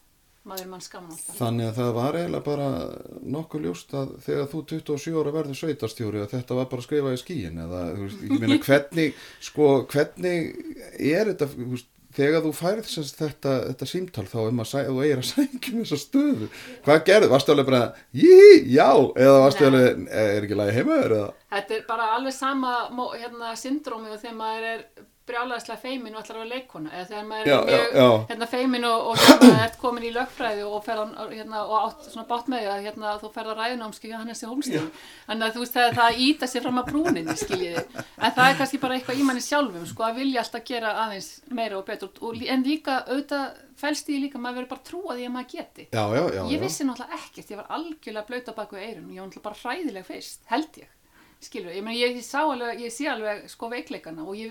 en þú verður líka, þú, sko, sjálfströsti hjálpar okkur til þess að, að halda áfram þegar þú veist að þú kannt ekki allt, en þú veist að þú getur mögulega lært það og þú getur það líka því þú ert ekki einn. Ég var langt í frá einn, ég hafði bara góðan hópa fólki og, og þarna voru hérna, eh, sko, já, hvað, þú veist, fimm kallar sem réðu þarna 27 ára gamla stelpu og fyrirsögnin í Devaf var kona ráðin sveitastjóri. Ég- Eins og þetta hafi verið eitthvað bara hræðilegt. Þú, hefði getað, það, já sko það var fréttin, Já. ekki björgráðin svoleiðis, en, Eh, en klassísk kona ráðin sveitastjóri 1995 Já. og þú, þú hefur alveg getað skipt og satt geimvera ráðin sveitastjóri. Þetta er svona svipa, sko, já, fréttnæmt og, og hérna, En ég svo sem bara fann ekkert mikið fyrir því að hérna, ég væri kona, ég fann mikið fyrir því bara að ég var ung. Já, já, það- já, það var það sem að ég fann sá meira fyrir vinkillin. því, svona, þegar maður er í þessu, þetta mikið kalla samfélagin svo til dæmis bara hafnamálin sem að mér eru alltaf þótt sjúklega skemmtileg Já, hafnarsambasting og, og hérna svona, þú veist, maður var bara líku við, þú veist, það voru bara örfá að konur, þú veist, teljanda fingur mannur að handar á hafnarsambastingum 1995, 96, 97 og svo framvegis og hérna, en maður fann líka fyrir því hvað maður var ungur. já. Þannig að, en, Eða, þú hlýtur nú að hafa gert eitthvað rétt, varst ekki 11 ár? Ég var í 11 ár, það verður náttúrulega aðri að dæmi um það en jú, þetta var bara frábært tími og algjör fórættindi að fá að þú veist þjóna sínu samfélagi sem að maður, maður, maður brennur fyrir og hefur metna fyrir. Já, en ég meina þá er að við erum að tala um, þetta er það samt þrjú kjörtímabil Já, í það þannig, er, sko. það er árlið á kjörtímabilinu, þá er Magnús Stefánsson forverið mér, sveitarstjóri, hann er kosin á þing, það er Já. árlið á kjörtímabilinu, þannig að þá er auglýst og þannig að það er þrjú ár og svo tök kjörtímabil til viðbútt. Já, já, þannig að þú eitthvað hlýtur að hafa gert eða skilur, þeir hafa metið, eða það hefur verið metið til að verleikum Já, það sem skulum- þú gerðir, sko. Já, Við skulum ætla það. Já, það, já. það- Nei, ég meina það er, veist, þessi, þessi, þetta er harður heimur Já, já, er það. Þetta er mikill uppbyggingatími líka. og þetta er náttúrulega feðraveldið alveg í sinni stærstu mynd, væntalega. Sko, Eins og þú segir, það er ekki alls ég- eða þá þeir hafi verið framsýnir. Já, sko, hérna, við getum líka orðað þannig, maður sér það núna eftir á og það er algjör forréttindi að fá að koma svo aftur. Svo fer ég í 12 ár hérna, og gera eitthvað annað uh, og er í hérna ráðgjafi hjá hérna, fyrirtæki Reykjavík og, og er með starfstöð hér. Og svo kem ég aftur og fæ að bera þetta, þetta saman Já. frá 2018 og það er alveg ótrúlega gaman að sjá breytingarnir sem hafa orðið frá 95 og svo þegar ég byrja aftur 2018. En, en þá í dag, bara ef við, ef við tökum bara þetta svona daldur stutt, í dag, þegar þú horfið tilbaka, Mhm. hefur þú gert eitthvað öðruvísi? Nei, Nei? nei. Ég er bara, ég verð æfinlega þakklátt fyrir að hafa fengið þetta tækifæri, fyrir að hafa verið trúa fyrir þessu og fyrir að hafa mátt taka þátt í þessari uppbyggingu með góðu fólki, fullt af góðu fólki. Og ég hef alltaf sagt það að því ég þekkti náttúrulega maður talaði við aðra kollega og maður sá hvernig önnu samfélög haga sér að það var eiginlega bara forréttind að fá að vinna með grundfyringum og með sínu, hérna, sínum íbúum í því að taka þátt í þessari uppbyggingu. Eða að því að samfélög eru mismóttækileg og þú, hérna, ég veit að þið hefði verið að tala um menningu og hérna komin að menningu í samfélögum og svona og við byrjum hérna að tala hérna, fyrir þáttunum Bólungavík og fleira og Kópavog og grínast með þetta. Að hver samfélag hefur svona sína menningu og, og að menningin hér var svolítið svo að fólk var til í að gera góða hluti. Já, við skulum hafa snirtilegt hjá okkur. Já, förum öll í það. Og við fáum velun fyrir að vera snirtilegt sveitafélag á Vesturlandi og svo næsta ár fáum við ekki og þá fara allir í hérna gýrin anskotin hérna, að, hérna, þetta er öruglut á blokkinni. Bærin átti semst blokkina í sæbólnu og hún var náttúrulega ekki til sóma þá. Allt út á blokkinni, við verum að standa okkur betur. Og hérna kýlum á þetta og svo fengum við velun eftir næsta ár. Já. hún það er auðvelt að ná hérna fólki og hvetja og, og svo framvegis. Og það er svona kraftur í samfélaginu. Mikið af börnum á þessum tíma og mikil uppbygging. Þannig að já, þetta er, ég hefði ekki gert ég hefði held ég ekki geta gert neitt mikið öðruvísi.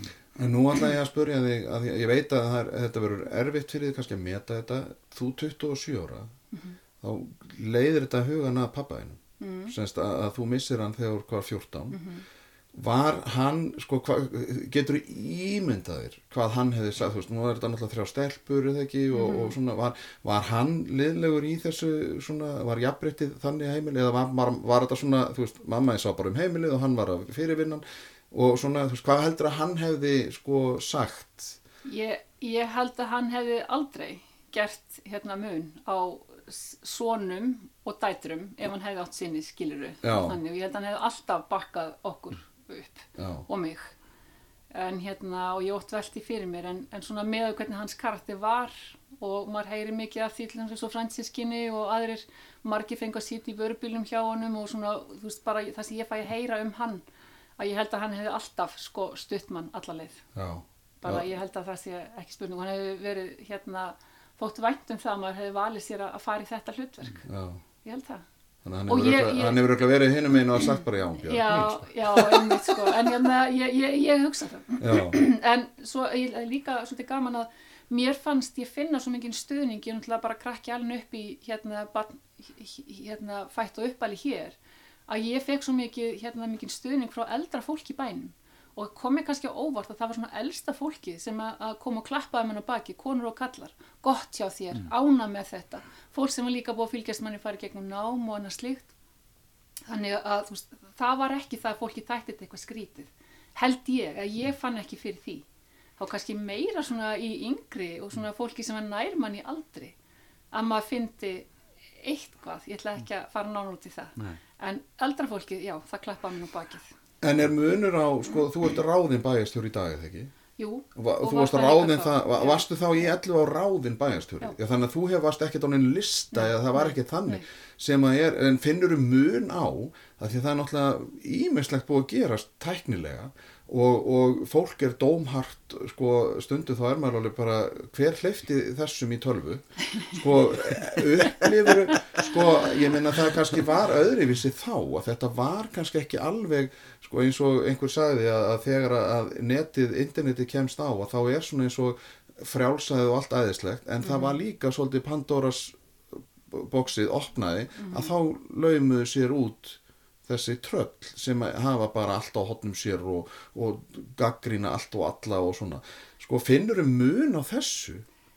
E, en, en þú náttúrulega kannski þú ert ekkert að pæla í því að því maður náttúrulega færa ákveðin skrá Núna er maður ekki að pæla eða, sko, jú, ég, ég, ég, sko, ég er alltaf mótæk sko, mér finnst, maður má ekki verða hrókafullur að segja að þetta skiptir með einhver máli vegna þess að ég er náttúrulega bara, ég er í þjónustu.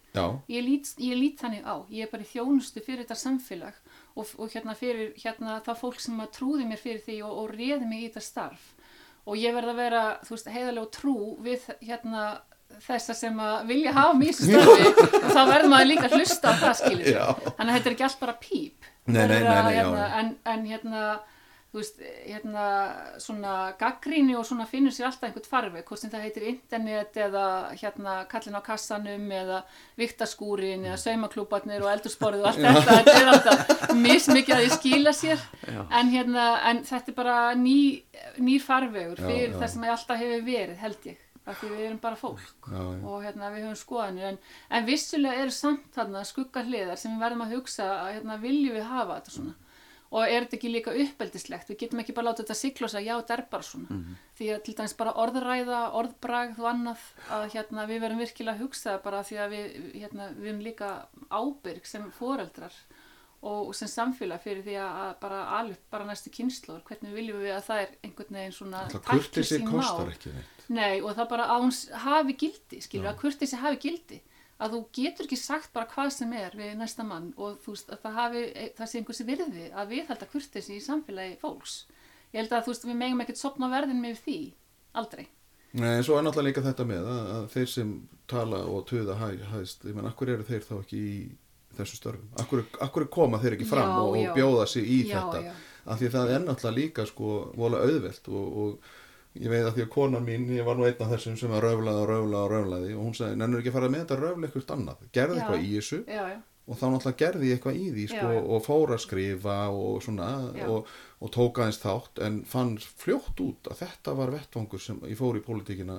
2010 ok, og fann fljótt út að þetta var ekki heimur sem ég langaði að vera í. Nei, bagnægið og svona þú, þetta, þetta er bara heimur sem er mjög óheillandi af því að, að en af því ég er náttúrulega líka með ákveðna sín af því að þegar þú ert í svona samfélagi eins og, og grundafjörður er að þá kannski vinnur þú sama þú getur verið með hugmyndafræðilegar eh, sko skoðanir hugmyndafræðilegar skoðanir getur verið mismunandi áherslu getur verið mismunandi en þú ert að vinna fyrir samfélagi já. Og ég hef alltaf kynst því bara að hérna, þeir bæjarfjöldrúa sem ég hef vunnið með, að það er bara fólk sem brennur svolítið fyrir sínu samfélagi. Já. Og það er fólk sem vill gera vel. Og náttúrulega vonandi nær ekki svona persónlegur ágreiningur eða, eða jafnvel svona, eh, þið veitir, sko, mm, já, einhvers konar svona óvild í, í garð fólks að, grassera. Ég hef ekki mikið upplifað það hér, skiljiði.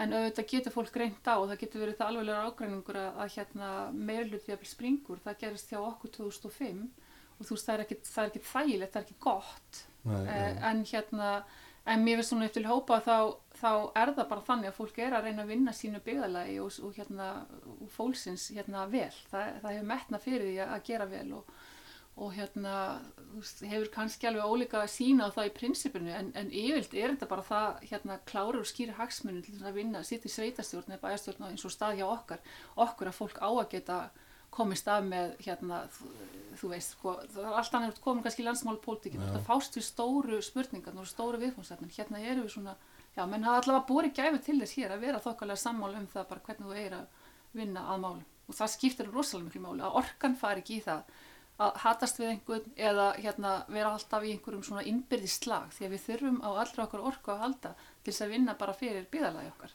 og svæðið okkar umvölu því að við erum auðvitað ekkert eiland heldur við erum í miklu samstarfi eins og þið heyrðu hafi heyrt í gegnum eins og þáttur með Ragnhildi mm, og við bara okkar tilvist veltur svolítið á því líka það takist já. sko ég man ekki hvað ég ætla að spurja það, jú, ég satt eitt svona bæjar bæjar stjórnafundar Já, bæðastjórn, hann er opinn. ég hérna ég held ég að við setið í tvo hálfan klukkutíma. Ég, ég fekk ekki segja neitt Nei, ég ert hjalti, ég var gestur Já. og hjalti allan líka. Ég dró hann með mér Já. og við sátum þarna. Var það ekki erfitt fyrir ykkur? það? ég var alveg bara njá, og hjalti gafst upp. Hann gæti ekki sér til einhver en við, við vorum segir. Já. en ég tek hattinn ofan fyrir fólki sem, að, getur unni við svona. Þa, það er bara þannig sem það er. Mér, ég greip hérna eitt. Það var þegar þið voru að ræða um internetið og umræðuna og, og kurteisi og annað slíkt. Ég hef sagt það í, í mörg ár þá kenna manna síð í skólum. Já, það er bara svo leis við eigum að, að stokka þessu upp skólakerfið við eigum að setja matarmenningu inn við eigum að byrja í leikskólunum og við eigum að fara með þetta alveg upp. Og við eigum að vera með hana Margreti í hússtjórnarskólanum. Hún á að setja línutnar og þá, að, þá bara að vera struktúr í þessu.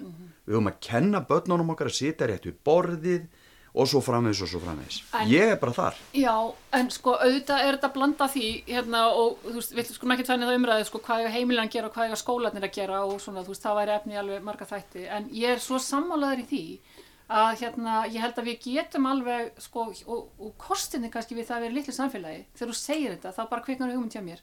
Akkur, farið, akkur fáum við bara ekki hérna ykkur hérna maturslmeistaran á eh, þessum frábæra veitingastaf Bjargasteini sem að er lærður og kann, þú veist, þú læri mjög margt í hérna þú veist að verða hérna, þú veist, veist að læra hérna í þínu námi, þá lærir mjög margt um, um hérna hotlistuhætti hérna heilbriði matvæla um næringafræði og fleira, fleira, fleira. Og hérna, og hérðin þú sem að vinnur hérna við það einmitt á þessum stað að hérna, þú veist, hvernig bara, já, hvernig þú hegða þér og, og, og njóta og, Og að svona, njóta, því ég er náttúrulega ekki þjótt sko, ég er sko. ekki þjótt en ég er náttúrulega í, þetta er bara þú vinnur uppbyrti við, starf. Sko. Já, já, akkurat sko. En ég meina, af hverju hérna bara tökum við ekki þessa þekkingu sem er til? Og þú veist, það er bara fullt af góðu fólki hérna líka sem að hefur ímislegt og, hérna fáum þennan kúrs inn í skólan okkar. Þú veist, þetta væri frábært uppbrott bara læt, hérna, komum sem verður hugmynda á framfæri.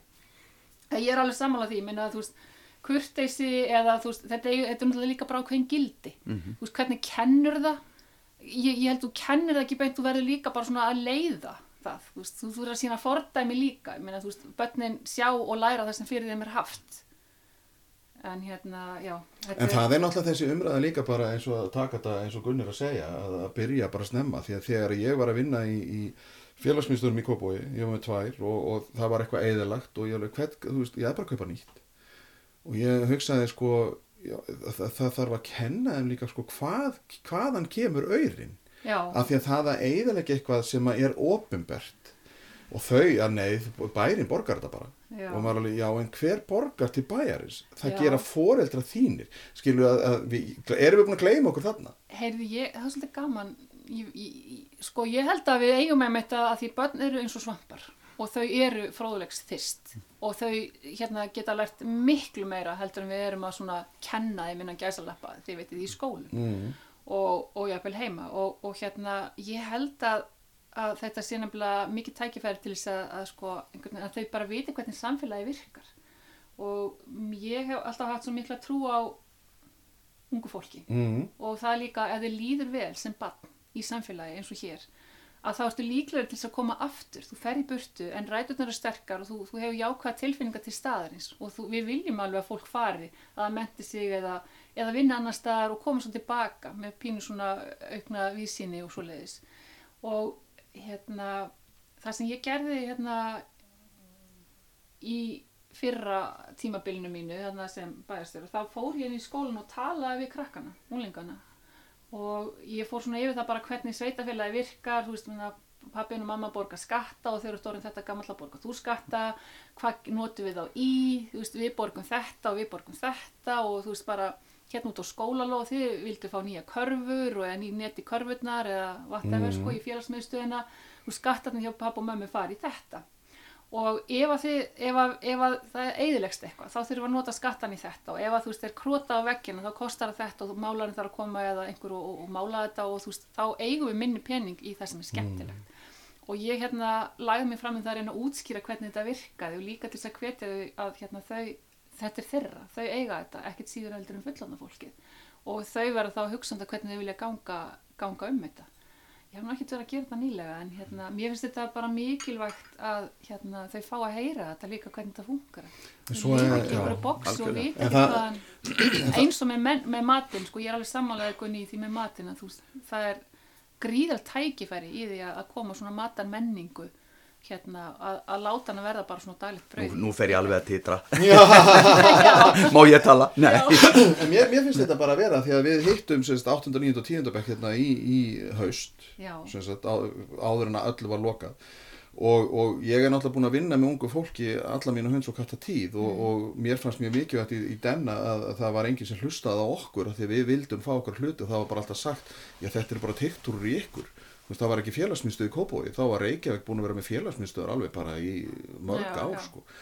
að, að það var svo gaman að tala við krakkana og það var margt sem að koma óvart og maður var alveg viljið við það sko að, að það sé sko að því að svo er eins og varst að segja ef að dótti þín er opast meðvitið um hvað hún lætur ofan í sig hvort það sé græmmetisréttir eða er hún vegan eða sko og svona en reyndar finnst mér það er þessi að vera að ala upp á einhverju samvisku einhverju kolvisku samvisku, nei hvað getur þetta það? Kolviskubit. Já, þú veist, hvað er það? Sko, að, að það er alltaf verið að ala eitthvað svona ótta eða eitthvað svona óþægindi í mann Sko, mér langar aðeins að taka þetta, mér langar aðeins að taka þessu umröð vegna þess að við höfum nú oft rætt þetta og ég veit ekki hvort að við höfum rætt þetta Björg líka en ég er, ég er bara þar, líka með mannasiðina, en ég er bara þar, við eigum að byrja í leikskólunum og við eigum að færa matarmenningun upp á herra plan. Þú talaður um, um, um umræðuna, þú veist, ímynd á lögfræðingum, ímynd á viðskiptafræðingum og öllu því. Við höfum líka mjög slæma ímynd veitingabransin og, og, það, og, og, og sjáarútugurinn. Það er alltaf, við erum alltaf með þetta neikvæða umtal. Svo ertu með ítala fyrir fram að þig og hann er bara bestu tómatar í heimi koma frá Ítali og þú veist og, já, já, og þú ert já, þetta er bara karfið frá gerun Já, þú veist, og þú fær ekki ferskar ráefni, skilur Já, mig. akkurat. og meiri segja ertu með svo ferska bláskjela útlendingandi þeim finnst hún ekki góð að því að vanta kannski skítabræði í hana. Nei, skiljiði mig, við, Já, við tölum okkur of mikið niður, Niður. við eigum að byrja og við eigum að byrja strax og við eigum að byrja í leikskólunum þar sem litlu krakkarnir lappa fyrir framæð og þau eru sjá kokkin kom í gegn eða matrislumannin eða matráðinn. Þau segja namnam þau, það er bara namnam þegar hún horfir á þig.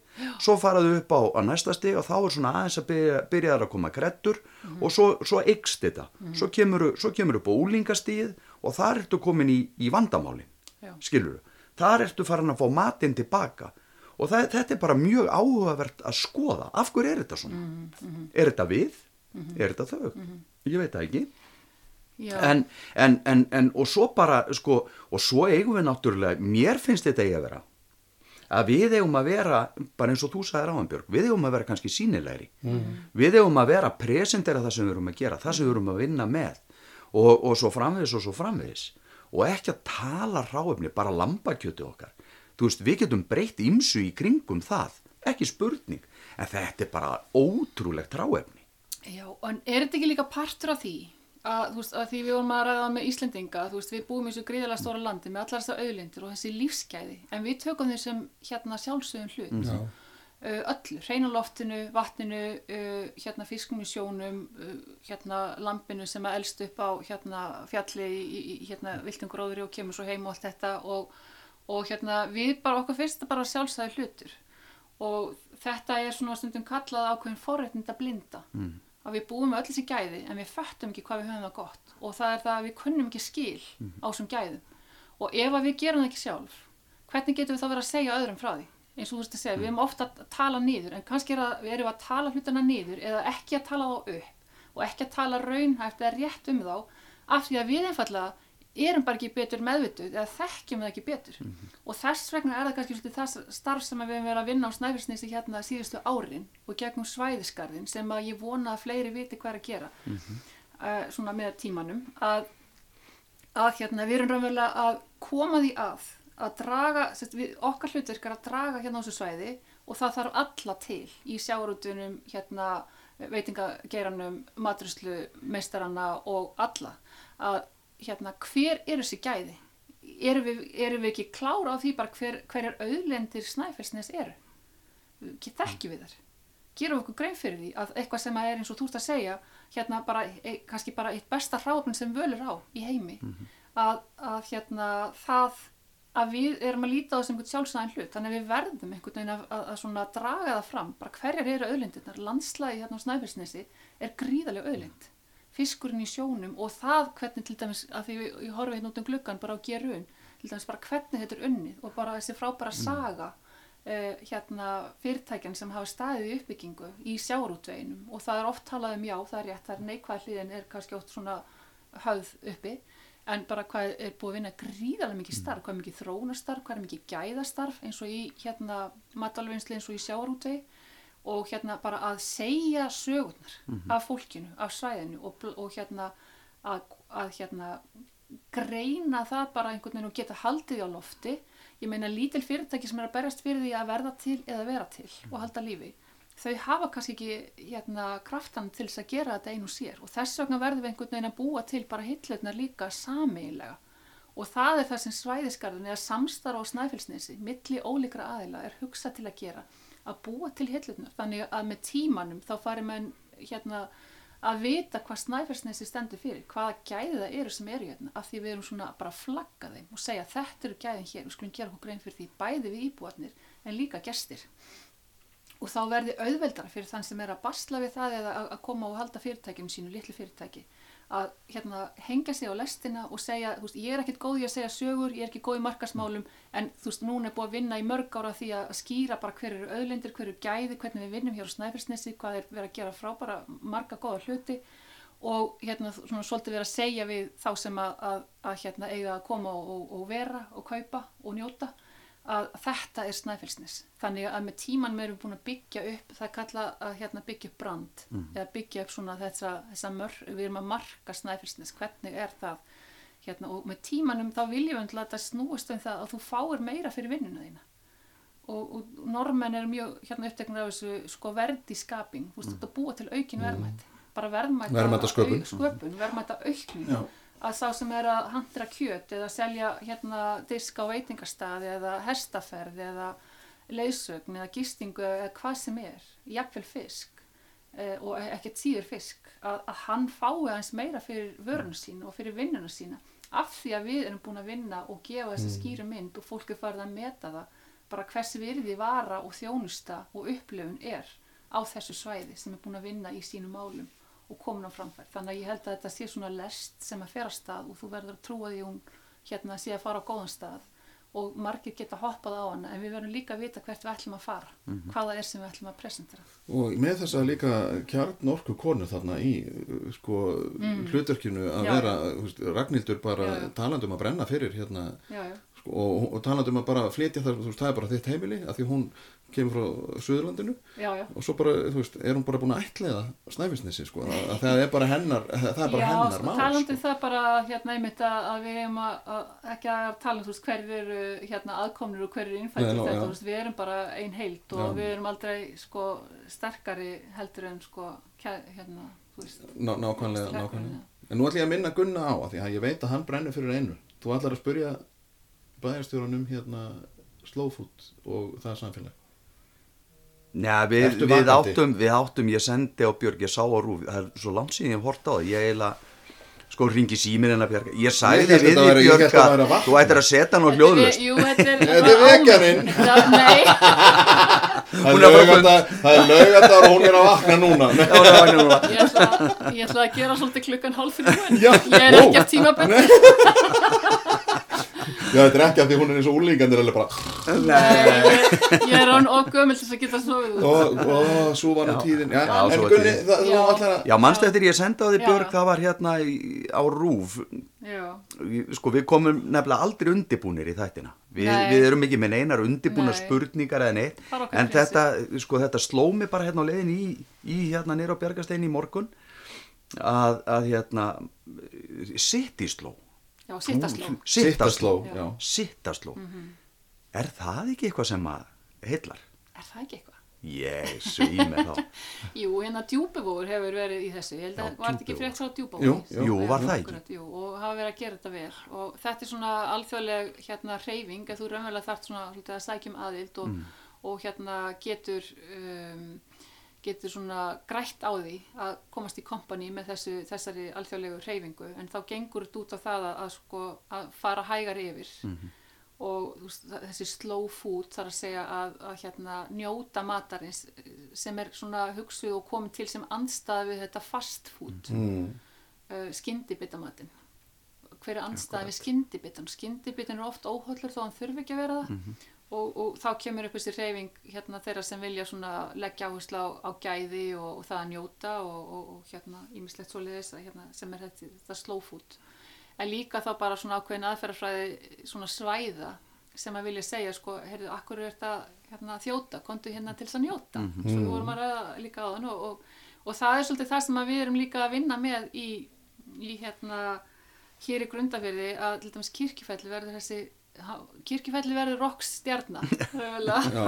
á einni nóttu er svona að Já, segja sko og er það náttúrulega og Já, er er það, það, hann hefur já. náttúrulega alltaf verið þarna Já, sko, já, já, já, já. að við hérna erum til og, og samfélagi og allt þetta sko, en að, hérna auðvitað er það þetta frábæra hérna ták sem það er orðið og, og Mm. það skiptir máli hvernig þið farið með svona rockstjörnur sko, Mhm. þú þarft að hérna aðeins að trýta þær og, og hérna þú þarft að svona aðeins að venda það að og- passa og- upp á já, það já, sko, já, já. veist, þú, hérna, og, en hérna, fólk kemur og er að, að, hérna, talandi um ferðarþjónustu og, og, og þetta sem þetta nefna sko, hérna, sittasló eða það að hérna, fara hægt yfir að við viljum auðvitað miklu frekar að fólk komi til þess að njóta en sé ekki bara að merkja við eitthvað á sko, 20 atriða listanum sínum sem gestur eða ferðamaður um svæðið. Ég er búin að sjá kirkjufell, ég er búin að fara djúbólansand, ég er búin að koma hérna og svo framvegis og, og hérna, við viljum að fólk stoppi, það er staldri við, að það njóti og noti. Við viljum, það er auðvitað engin launung á því, við viljum líka bara að, að hérna, þjónustan sem fólk er að halda úti hérna, hún sé notuð, Mm. að fólk, að, að, að viðskipti blómstri og samfélag veri til og fleiri störf. þannig að, að það skiptir máli raunverulega að fá fólk til að stoppa og það hefur svolítið verið að vinna með í kringum með kirkjufellið og svona skipulagsmál að segja hérna, allir sem vilja koma og horfa á kirkjufellið þannig að akkurat við kirkjufellið að hérna, veist, það er hægt að njóta kirkjufellsins líka hérna eins og Gunni, hérna, með þennan veitingastað hérna, sem við setjum með þetta ótrúlega útsýni. Að hér er eiginlega eitt besta, veist, við erum með svo marga staði inn í þorpun, í grundarfyrði þar sem er frábært útsýni og frábært að njóta. Og við viljum svona svolítið draga fólkið hinga því hér er þjónustan. Og hér hérna e, er, þú þarft ekki bara að fara á þennan stað sem liggur undir gríðalegu álægi hérna út við Kirkjufellsfoss og, og hérna beinu öllum þangað og svo eru menn sveittir við að byggja upp hérna bílaplan og alls konar og eigða miljón og, og hérna og í það sem að hefur verið styrt af opinbyrju fyrir þannig að önnur ella sko þetta með að vera mm. endalust að sækja um einhverja styrki hérna það er efni. Já, hérinn þekki það. Já, sko, ég er ekki að tala ítluna en ég bara, við erum komin inn á hérna umræðu um sko tekjustofna sveitafélag Mm, og það bara sveitafélag er fullu í að byggja upp innviði en hafa ekki tekjur í það. Mhm. og mér leiðist það að sveitafélag séu sett einhvern veginn með betlistafa að betla hérna einhverja styrki frá ríkinu. Þegar að, hérna við erum að fullu eins og ríkið í innviðauppbyggingu. Og við erum bara að hafa almennilega tekjustofna vegna þess að við erum að búa til hérna göngustíga og, og áningarstaði, tjaldsvæði, upplýsingamistar og þetta fyrir ferðarfólk en við fáum litla sem engar tekjur úr þessum sameilu sjóðum hérna inn í það. En Þetta var svona út út úr. En ég held að sko, veist, þetta er viðfangsefnið að fá fólk til að staldra lengur við og fá fólk til að njóta. Og ef að við viljum sína okkar rétta andlit og allir þessi gæði og það sem að er best við snæfellsnes, þá verður aðeins að leifa þær að staldra við og njóta. Það að sitja hérna, þú hleypur svo sem, þú getur hlaupin á bjargastein og gleift í þig, en það er miklu betra að vera búin að taka rölt hérna í einhverjum, hérna, annarkort í brjálaðslega fallegu hérna, kvöld, só, kvöldsól hérna eftir framnessunu uh, og hérna lappa hérna inn og, og eiga hugulega kvöldstund og njóta og fara svo og geta bara kist skiljiði og, og þurfa ekki að keira í burtu á næsta veist, það er að- þúsund sinnum betri upplifun af matnum og öllu hérna inni heldur en það að þú væri bara hraðferði gegn Já, og svo var í. Lilja Makk, hún nefndi hérna, var ekki hugmyndin um bókabæn Já, já, það er fullt af fólki með frábæra hugmyndir hérna og græna kompanið, græna kompanið er náttúrulega nýjasta flóran hérna í Já. Grundafyrði, skemmtileg Já. blanda og, og e, svona, þú veist, það er alltaf eitthvað það er alltaf eitthvað Eh, Við, við eigum alveg rosalega mikið inni. Ég hef bara virkilega trú á því að Grundafjörður og Snæfellsnes eigi svakalega mikið inni. Það er náttúrulega, núna er COVID og ferðamennir ekki að koma og manni finnst eins og sé hundra ár síðan að hérna, hérna, Það var einhver síðan að ko- COVID var sko, þetta er búið að vera svo mikill kvirvil bílur Já, já, já, já. hérna, ve verkefna í COVID sem að einhvern veginn svona, maður eiginlega man ekki hvernig það var fyrir COVID, það liggur við að það sé þannig skiljiði. En auðvitað kemur þetta aftur og við förum í, í hérna annað ástand sem var. Það verður ekki eins og við þurfum virkilega að vera að hugsa sko hvernig ætlum við þá að, að vera eða haga málum eftir COVID hérna með túrismin. En, en ég, við eigum mjög mikið inni og við getum gert alveg ótrúlega flotta hluti en við þurfum að hérna vera að fókusiru.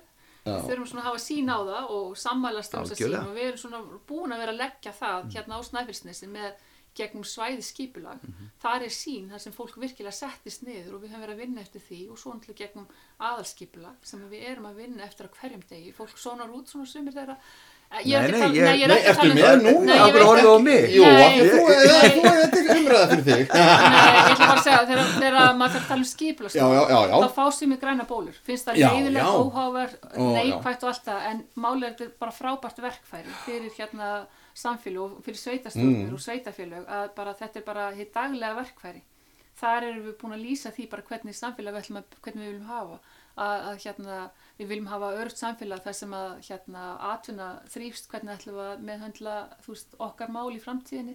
Aðalskipla er raunverulega atvinnustefna uh, samfélags, eða sveitafélagsins og það er til dæmis verið að horfa á framnesið að því við erum hér á framnesi að það er verið að horfa á það og gæðin sem eru hérna þú veist, við erum með ströndina, við erum með þetta frábæra útsinni á kirkjufelli við erum með fugglin í fjörinu, við erum með þess að hérna, ótrúlega, að þú gengur til dæmis alveg frá endan á norðurgarðinum, stóri bryggin okkar sem við höfum verið að stækka núna um 130 metra Mm. gengur eftir henni, alveg hérna eftir framnesinu, fram hjá gamla harfiskjallinum hérna með fram nesinu fyrir bjargastein og í það sem við köllum torfabót hérna hinum megin, þetta eru svona 800-850 metrar og þetta er einstök leið, þú ert að upplifa mjög fjölbreytt landslag, það opna svona ný sín á mjög mörgum stöðum. Já, hérna breytist landslag, hérna sér meira kirkjufellin nei, hérna sé ég helgrindurnar hérna sé ég fjöllin fyrir ofan og sér fjölbreytaskólan og fjöllin á bakvið og það er svona alltaf ný og ný upplifun, þetta er einstök leið til þess að fara eftir, hvort sem er í góðu veðri eða bara í róki og hressandi rigningu þegar regnbóin líkur yfir og, og fugglin er að bjástra þá í rókinu og svona, þannig að þetta er upplifun og við erum með stórar hugmyndir um það að þetta verður svona upplifunar stígur strandstígur. Og í, hérna, sem að verður kannski ekki bara, þetta er ekki bara spurningum að skella á malbyggju og það komi stígur heldur að við, við hugsun það bara þú veist hvernig ætla að fara þetta í gegn? Og þú upplifur þú setja að fara á einhvern einstak og sért á einhverjum einstökum stað alveg frá því að þú ert að upplifa lífið á höfninni hvort þú kemur á skemmtifæraskipi ert íbúi sem að tegur sér skokk og sér hérna smábátin hinum megin sem er að landa eh, hérna eftir hérna eh, hverfinu, þetta er hérna svona aðtapna hverfi, Mm. þetta er yðnaðarsvæði eins og köllum, það er reynda léttur yðnaður og það er sjarmi í því, þú vilt sjá fólk vera að vinna, þú vilt sjá hérna eh, hérna kör og, og, og, og hérna eitthvað svona, auðvitað þarf þetta að vera líka svona þokkalega snirtilegt, en, en það er ekki það, þú, þú vilt sjá að það sé bara eitthvað líf, að sé, fólk sé að vinna, þetta sé bara svona ekta. Að sé ekki allt steriliserað en við viljum auðvitað hafa þetta snirtilegt og ekki rusl og, og svona en, hérna þetta er til dæmis það sem er á teiknborðinu sem að miðar til dæmis að því að, að hérna fólk geti verið til þess að njóta. Þannig að hvort sem við förum inn í hérna sem ég finnst alveg áhugavert að fara inn í þetta svona slow travel, slow food sem að þið auðvitað kannski eru bara svolítið góð í líka skilur það sem þið eru að gera hérna er það ekki slow food hugmyndafræði Já þegar Þó maður tekur kallið að það kannski ekki endilega opinn. Jú, jú, við tekum í mörg bóks, mjög mörg bóks. Ég ætla að það er náttúrulega markvist að Já, stefninu hjá okkur að, að, að þegar að fólk kemur að, að maður býður því velkomið á íslenskunni og svona og svo kemur og sest við borðið og svo bara nú eru þið komin hinga til þess að njóta. Já, og líka bara, þú veist, allt úr nærumhverfi, reynum og við höfum, tökum reglulega fundi, það er oft, þið viti hvernig þetta er, það er oft auðvelt að finna sér, finna sér spór, en það er ennþá auðveldar að fara út af því. Já, Og maður gerir það yðurlega þegar er orðið mikið að gera og, og hérna, lífið fyrir rútínu, að þá er þetta orðið mjög þægilegt að, að gera og gera, skiljur. En við höfum verið að ræða um það, sko, að, að sko, núna í COVID, þá er ekki til peningar og við höfum verið að vinna með ótrúlega lítið ráefni þannig að það gerir það að verkum að þú hugsaður öðruvísi. Og við bara tókum einmitt umræðan um þetta um daginn ég og, ég og, ég og, og Miroslav svona þegar við fórum að byrja aftur að halda þessu til haga. Vera bara með engan lager en alltaf nóg til skiljiði mig. Og, og hérna, jú, jú, ég meina það er náttúrulega svoleiðis og við náttúrulega vitum það, það er verið að reyna nýsköpun og gera eitt og annað. En þetta er mjög áhugavert Björg þess að tala um með þessa leið vegna þess að þegar við opnum bjargastein á sínum tíma fyrsta helgin okkar, við opnum ef ég man rétt á 50 eða först deg þá var garðurinn hérna eða þessi leið, hún var full af fólki. Já, og ég held ég væri að verða miljardamæringur en það var ekki alveg þannig. En þetta bara fólk kom hérna niðrittir til þess að taka myndir frá hótelunum, frá gististöðunum í reyndar, það var æðislegt veður og, og, og ég bara vitið það, ég átti ekki til orð. Ég hafði ekki átt að með á þessu, næ, þetta var meiri áttar En þetta er náttúrulega líka það sem að, að þegar að maður er að tala við fólk og sérstaklega Íslendingana og, og, og þau halda sko að þetta sé bara nýjopnað staðurinn nýjopnað já, og ég alveg neini, við erum fimm ára ammali og svona, alveg, ha, er þetta búið? Já, ég bara skil ekki akkur að það er enginn sem að, þú veist, akkur er ekki búin að vera staðurinn í hundra ár, sko. Af því þetta er náttúrulega bara alveg einstakt að Algjörlega, sita hérna já. og horfa á þetta, sko, magnaða fjall og, og bara vera hérna því að svo eitt skiptið í, í, í fyrra þegar allt í henni heyrist og þá bara býtu, ha, var þetta kvalur? Eða var þetta, þú veist, háetningur? Eða hvað var? Og það voru allir bara að skoða hvað var í gangi. Eða þegar að fugglinn fór og, og stakk sér eftir Súlurnar voru Þú hérna veist, maður var Já. bara að býta hvað er í gangi hérna? já, já, já. Þú veist að það er alltaf eitthvað nýtt. Já, já. En við þurfum að fara að... En, að en er, mér, la- langar aðeins að spurja Björg áður við förum að, svona að síga á seinni hlutan eða slá botnin í þetta Ertu matgæðingur? já. Já. Eh, Hvað fælst í því? Það er svona líka skilgarningin, til dæmis, mér finnst rosalega gott að borða góða mat og ég er alveg ófeimin við að smakka hérna nýtt. Ég er sérst hætt að vera matur. Það er komið langt frá þessu Ég er mjög stelpu langt, það- já. og vaksin upp úr því eins og- þessari, eins og sést utan á manni. en hérna, já, ég er það, mér finnst það rosalega. En ég er líka ótrúlega heppin, kona, að hérna, þú veist, ég, ég er ekkert, sko, ég trú alveg að ég get orðið ógeðslega góð að elda. Ef ég legði bara vinnuna og æfinguna í það, ég bara, þú veist, mín áhugamál og mín, hérna, svona orka hefur beinst annað og ég á bara mann sem er rosalega góður elda og ég bara býði þau gæði að hann eldar góðan mat og hann er be- miklu betra elda heldur en ég. Ég er aðeins betra að baka heldur en hann, en hann reyndar sækir fast að mér. og hérna, ég veit ekki hvort það er gott eða slæmt sko, því að það er svona þegar maður eldist að þá situr þetta meir utan á manni. En hérna, já, ég, mér finnst alveg ótrúlega gaman og þetta er náttúrulega líka bara, mér finnst þetta svona 50% af því að vera ferðast til dæmis, sem ég er ótrúlega gaman af og að hérna, að heimsækja nýja staði og náttúrulega það er svo ótrúlega frábæri hérna líka margir staður og sprottið upp bara vísvegur um Ísland. Og hérna sumar í fyrra þegar allir Íslandingar voru að ferðast innanlands ég held ég hafi sínt fólki það bara hvað Hvað er, er mikil fjölbreytt, flóra og fjölbreytt og, og mikil gæði þannig að já, ég myndi alveg klárlega að telja mig matgæðing og ég til dæmis bara hef sko ást á sumu hérna hlutum. Einfaldir hlutir eins og bara góð kjötsúpa fiskibólur, lambalæri e, já. Og, og náttúrulega fiskurinn er í sérflokki. Ég syns er hérna mjög mikil fiskimennskja og alltaf ég fer á veitingastað þá bara, ég veit, bara enda alltaf í því mér langar alltaf miklu meiri fisk. Sammála sem er mikil breyting frá því að það er af sem áður var þegar maður Og- fór að bara að fá sér kjöld já, akkurat, og svo súkulega já, súkulega en til þess að, að, að, að rúna þetta af því að hún þarf náttúrulega að fara að komast að hvað gerir Björg sem sagt, til þess að njóta? Hvað gerur þegar þú ert sko, þegar þú vilt virkilega bara fá að njóta? Hvað, hvað er það svona uppáhalds yðjan þín?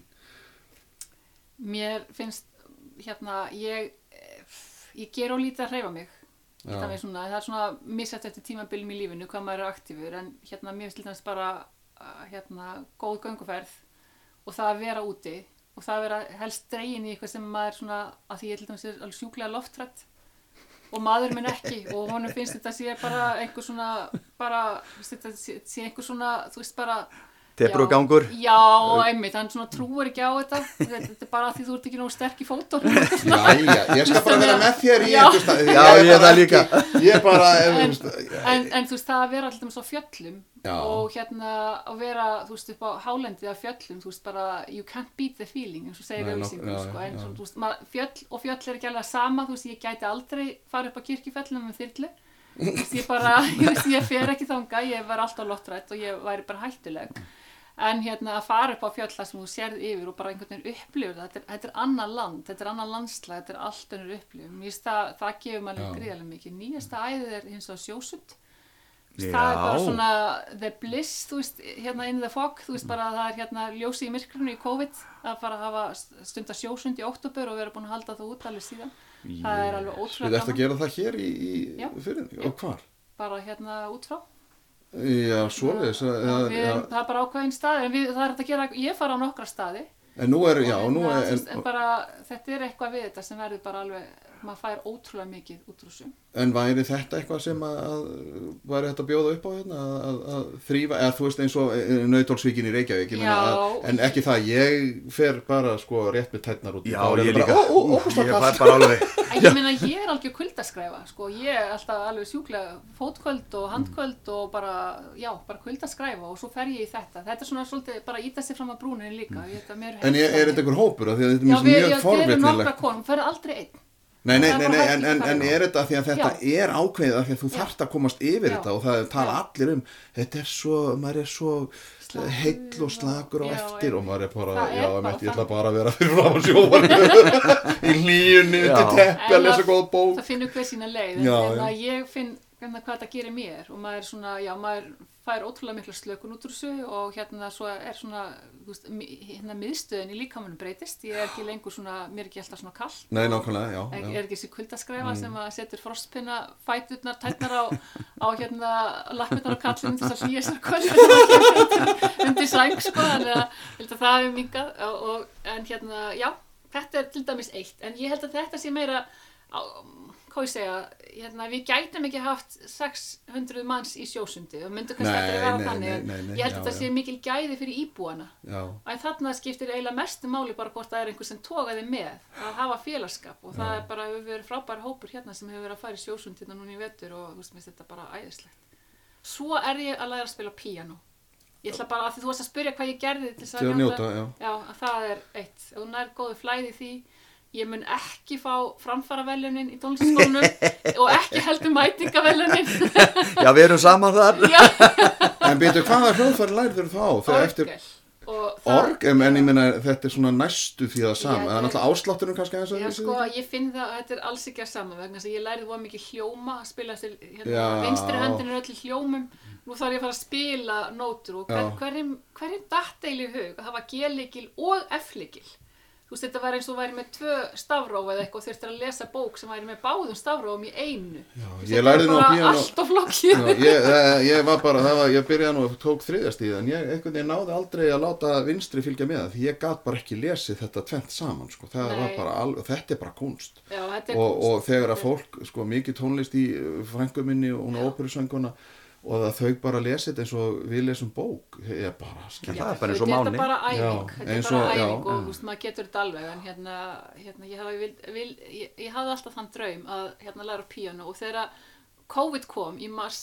2020 og fólk var að, hérna, þið vitið, fá æðiskost og kaupa sér heita potta og hérna liftingatæki og lóð og ég veit ekki hvað og hvað, þá fór ég að kjöft mér píano ég sagði bara, ef ég verði loku inni, ég, hvað ger ég? Jú, ég þarf að kaupa mér píano þannig að ég rauk í það og, og hérna, Þannig að- það var mitt svona næsta jólamyndband verður Björg á píanonu og þú er syngja.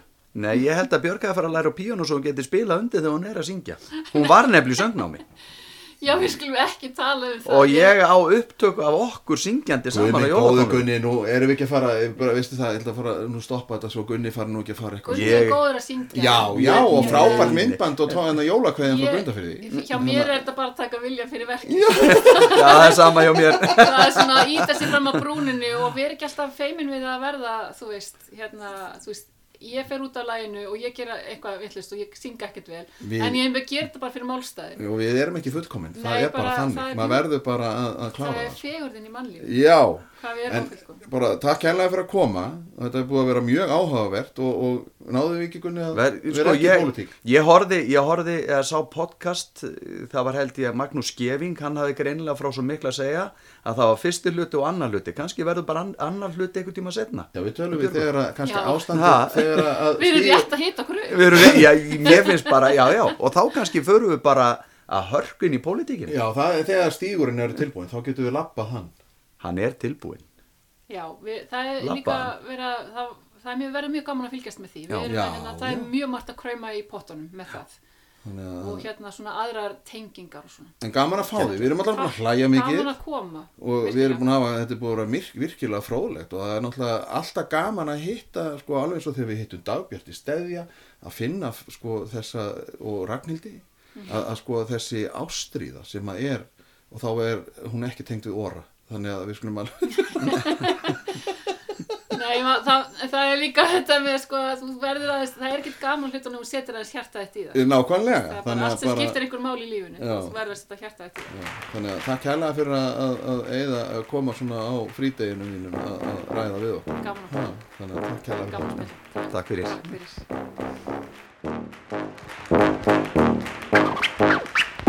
fyrir.